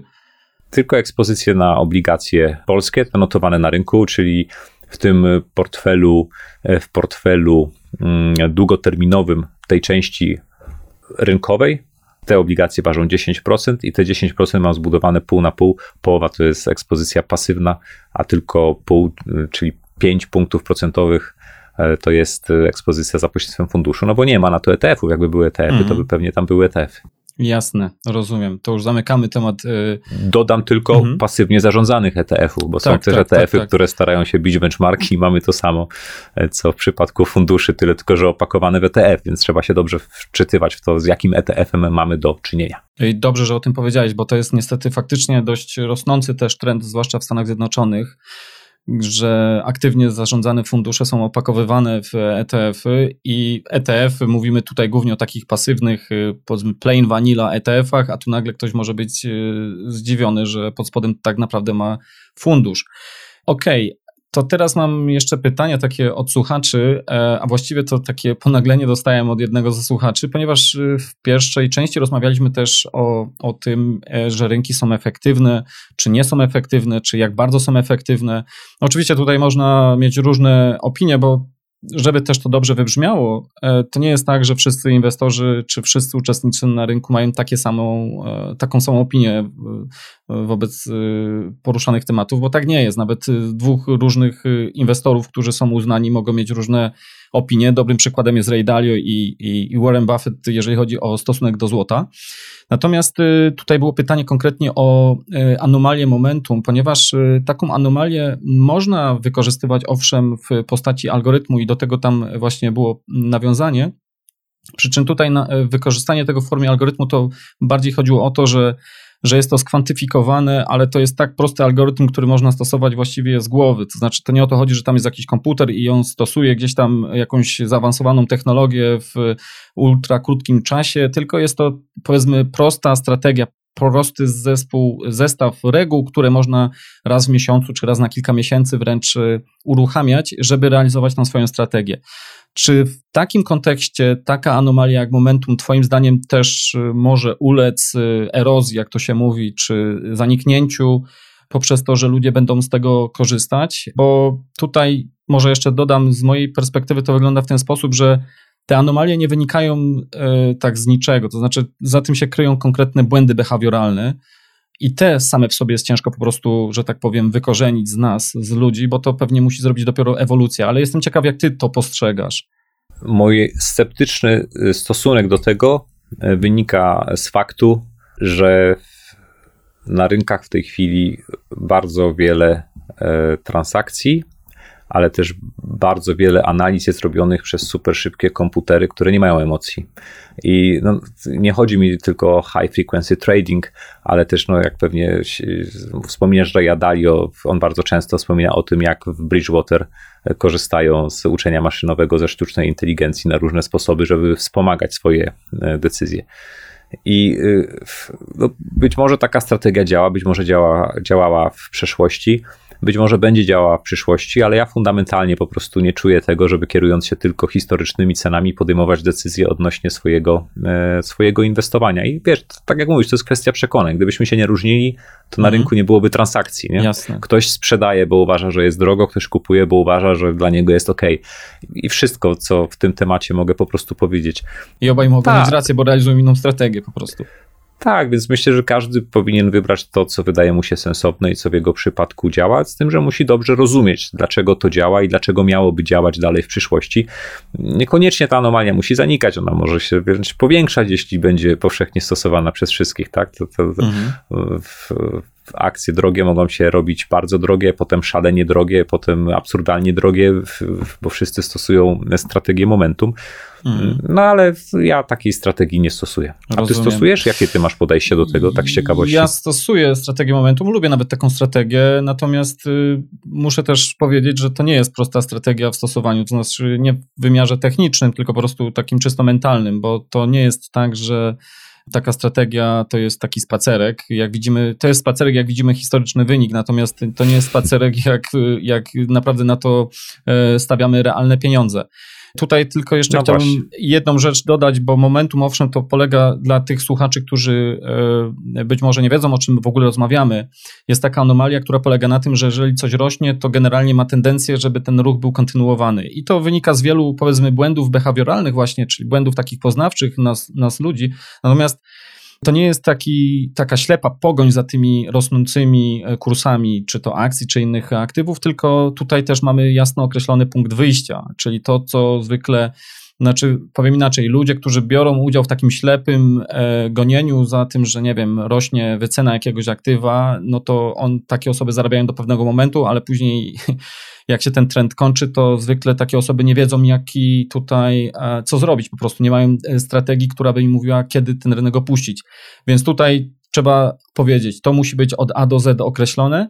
Natomiast taką ciekawą uwagę powiedział e, profesor Damodaran, który jest bardzo cenionym facetem, jeżeli chodzi o w sumie, można powiedzieć, bardzo odległy temat do momentum. Właśnie on się zajmuje, specjalizuje się w wycenie przedsiębiorstw, w analizie fundamentalnej. I on powiedział coś ciekawego, że wielu inwestorów fundamentalnych jest bardziej zależna od momentu, momentum niż im się nawet wydaje, z prostego powodu. No jeżeli jest y, wycena jakiejś spółki i my dochodzimy do wniosku, że rynek jej nie docenia, i taka jest przynajmniej nasza konkluzja, no to siłą rzeczy musi tutaj dojść do tego momentum, żeby ta cena, że tak powiem, y, uległa zmianie, żeby ta wycena była taka, jaka nam wychodzi w analizie. Więc de facto tutaj i jedna, i druga strona jest od siebie gdzieś tam zależna, jeżeli chodzi o te anomalie. Natomiast no, jest to temat na pewno dość, dość obszerny. Ja z tym dość mam już sporo doświadczenia, natomiast y, jak ktoś będzie chciał więcej, to zapraszam z kolei tym razem do siebie na stronę. W żaden sposób nie chciałbym y, tego negować. Myślę, że tutaj każdy musi się z tym zapoznać i stwierdzić, czy jest to spójne z jego podejściem do inwestowania. Nie jest to spójne z moim podejściem do inwestowania. Być może, tak jak powiedziałeś, w nieświadomy sposób w jakimś zakresie taką strategię e, stosuję. E, tak samo jak e, pewnie stosuję zasady termodynamiki jadąc samochodem, niekoniecznie pamiętając wzory na to, mhm. ale prawda jest taka, że wiesz, kiedy ja, ja w tym moim długoterminowym portfelu traktuję siebie jak takiego kolekcjonera aktywów, który wymienia e, zarabiane na bieżąco papierowe pieniądze, które z definicji tracą na wartości w długim terminie, na inne aktywa, e, których wartość wyrażona w tym papierowym pieniądzu w przyszłości powinna być nie mniejsza niż jest dzisiaj. I tak, taka filozofia mi w zupełności odpowiada. Mm -hmm. To jeszcze też, żeby dobrze to z kolei tym razem wybrzmiało, e, inwestowanie w oparciu o anomalię taką jak momentum, czy jakąkolwiek inną anomalię, chociażby anomalię tutaj value, to są strategie aktywne. E, my z Marcinem tutaj głównie rozmawialiśmy o inwestowaniu pasywnym, czyli nie próbujemy w żaden sposób e, w takim podejściu przechytrzyć, mówiąc kolokwialnie, rynku, tylko po prostu, tak jak wspomniałeś, Marcin, kupujemy coś, co historycznie pobijało gotówkę. I my jedynie tylko dobieramy tutaj inne wagi w tym portfelu, tak żeby spełniały nasze, nasze oczekiwania, nasze preferencje. Ja się z nikim nie ścigam, nie zarządzam funduszem, którego wyniki muszą być y, publikowane i nie porównuję się do żadnego benchmarku. Ja po prostu buduję kapitał na swoją przyszłość w tempie, które mi odpowiada, przy ryzyku, które jest spójne e, z moim apetytem na to ryzyko. I od cała filozofia dobre podejście, znaczy dobra cecha inwestowania pasywnego, bo ja również korzystam z inwestowania pasywnego po części, jest taka, że tutaj mamy przynajmniej gwarancję tego, że będziemy mieć to, co daje rynek. Nie wiemy oczywiście, czy to będzie coś, co nas satysfak będzie satysfakcjonować, ale tutaj ta gwarancja jest. Jeżeli chodzi o podejście aktywne, no to. Minus koszty tak. transakcyjne i, i, i tak. No i Dlatego warto je minimalizować. Tak, tak. Natomiast no, w podejściu aktywnym może być lepiej, ale może być niestety gorzej i jest to pewne dodatkowe ryzyko, z którego sobie warto zdać sprawę. To ostatnie pytanie, naprawdę ostatnie pytanie, Marcin, do ciebie. E, gdybyś mógł udzielić e, swoim dzieciom jedynej porady inwestycyjnej, to co by to było? Mm, no to porada byłaby bardzo prosta. Inwestuj e, w siebie, inwestuj w swoją zdolność zarabiania pieniędzy i tam szukaj przepisu na swoje bogactwo, czyli mhm. w tym, że będziesz w czymś bardzo dobry i będziesz dzięki temu dostarczał innym wartość i za tę wartość inni ludzie będą ci chcieli zapłacić. Nie próbuj robić tego na rynku kapitałowym. Dla mnie rynek kapitałowy nie jest miejscem do bogacenia się, jest miejscem do spokojnego parkowania i pomnażania e, kapitału na przyszłość a prawdziwych dochodów i dużych pieniędzy szukam po prostu w swojej działalności biznesowej. Dokładnie, czyli stopa zwrotu w Twojej działalności biznesowej może być o wiele, wiele większa niż to, co mógłbyś y, kolokwialnie wycisnąć na rynku i nie trzeba mieć bynajmniej godzin, znaczy nie wiem, dziesiątek godzin spędzać na inwestowanie na rynkach, y, żeby wciąż móc na nich inwestować i nie trzeba mieć też dziesięciu monitorów, żeby śledzić na bieżąco, co się na nich dzieje. Okej. Okay. No nie trzeba, nie trzeba. To dzięki wielkie Marcin za, e, za dzisiejszą rozmowę. Ja chciałem Ci również bardzo podziękować. Powiem Ci, że jestem pod ogromnym wrażeniem i wnikliwości pytań i Twojego przygotowania. Przez e, ostatni tydzień pomiędzy naszymi rozmowami zaczytywałem się w Twoim blogu, naprawdę super materiały. E, bardzo się cieszę, że tego typu miejsce istnieje w internecie. Tak jak Ci wspominałem przed naszą rozmową, przez ostatnie dwa lata ze względu na książkę pracowałem w trybie mnicha, niemal odcięty od zewnętrznego świata po to, żeby w prostych słowach przekazać te wszystkie rzeczy i zapisać je w, w tej mm. pierwszej cegle do budowania finansowej fortecy. Więc teraz wreszcie mam czas na to, żeby trochę otworzyć się na świat, popatrzeć, e, kto tam co pisze, jak to robi. Jacek, super robota, naprawdę bardzo się cieszę, że mogliśmy się poznać i że mogę czerpać też z wiedzy, którą ty się dzielisz na swoim blogu. To ja bardzo, bardzo dziękuję za te miłe słowa. E, no, ja nie ukrywam, że od lat e, czytuję e, Twojego bloga, regularnie też słucham podcastów, zwłaszcza jak biegam. Dobra, dobra, już się tak nie masujmy. Ale, no, znaczy mówię jak jest, po prostu. W gruncie rzeczy w Polsce nadal nie mamy zbyt dużo blogów, które, więc bardzo szybko można, znaczy w branży finansowej przynajmniej, jest ich raptem kilka. Natomiast y, y, tak, na koniec y, chciałem jeszcze jedną rzecz powiedzieć. Jeżeli chodzi o książkę Marcina, Finansowa Forteca, to e, będzie informacja pod wywiadem e, na YouTubie i również w materiałach, które się pojawią za tydzień. Jeszcze raz ją pokażę. Słuchajcie, solidna cegła, kilo 53, ale napisana lekkim, przystępnym językiem. Zajrzyjcie sobie na opinię, na lubimy czytać. Kurczę, 800 stron. Znaczy, ostatnia strona, ok, to już są notatki, ale jest 800 stron. Ale no, nie chcę nikogo tutaj zniechęcać. Jest to dość konkretna cegła, to faktycznie. Z mojej strony to, to wszystko. Marcin, e, serdecznie Ci dziękuję za poświęcony czas. Serdecznie dziękuję, pozdrawiam wszystkich i do usłyszenia. Cześć, wszystkiego dobrego. Cześć.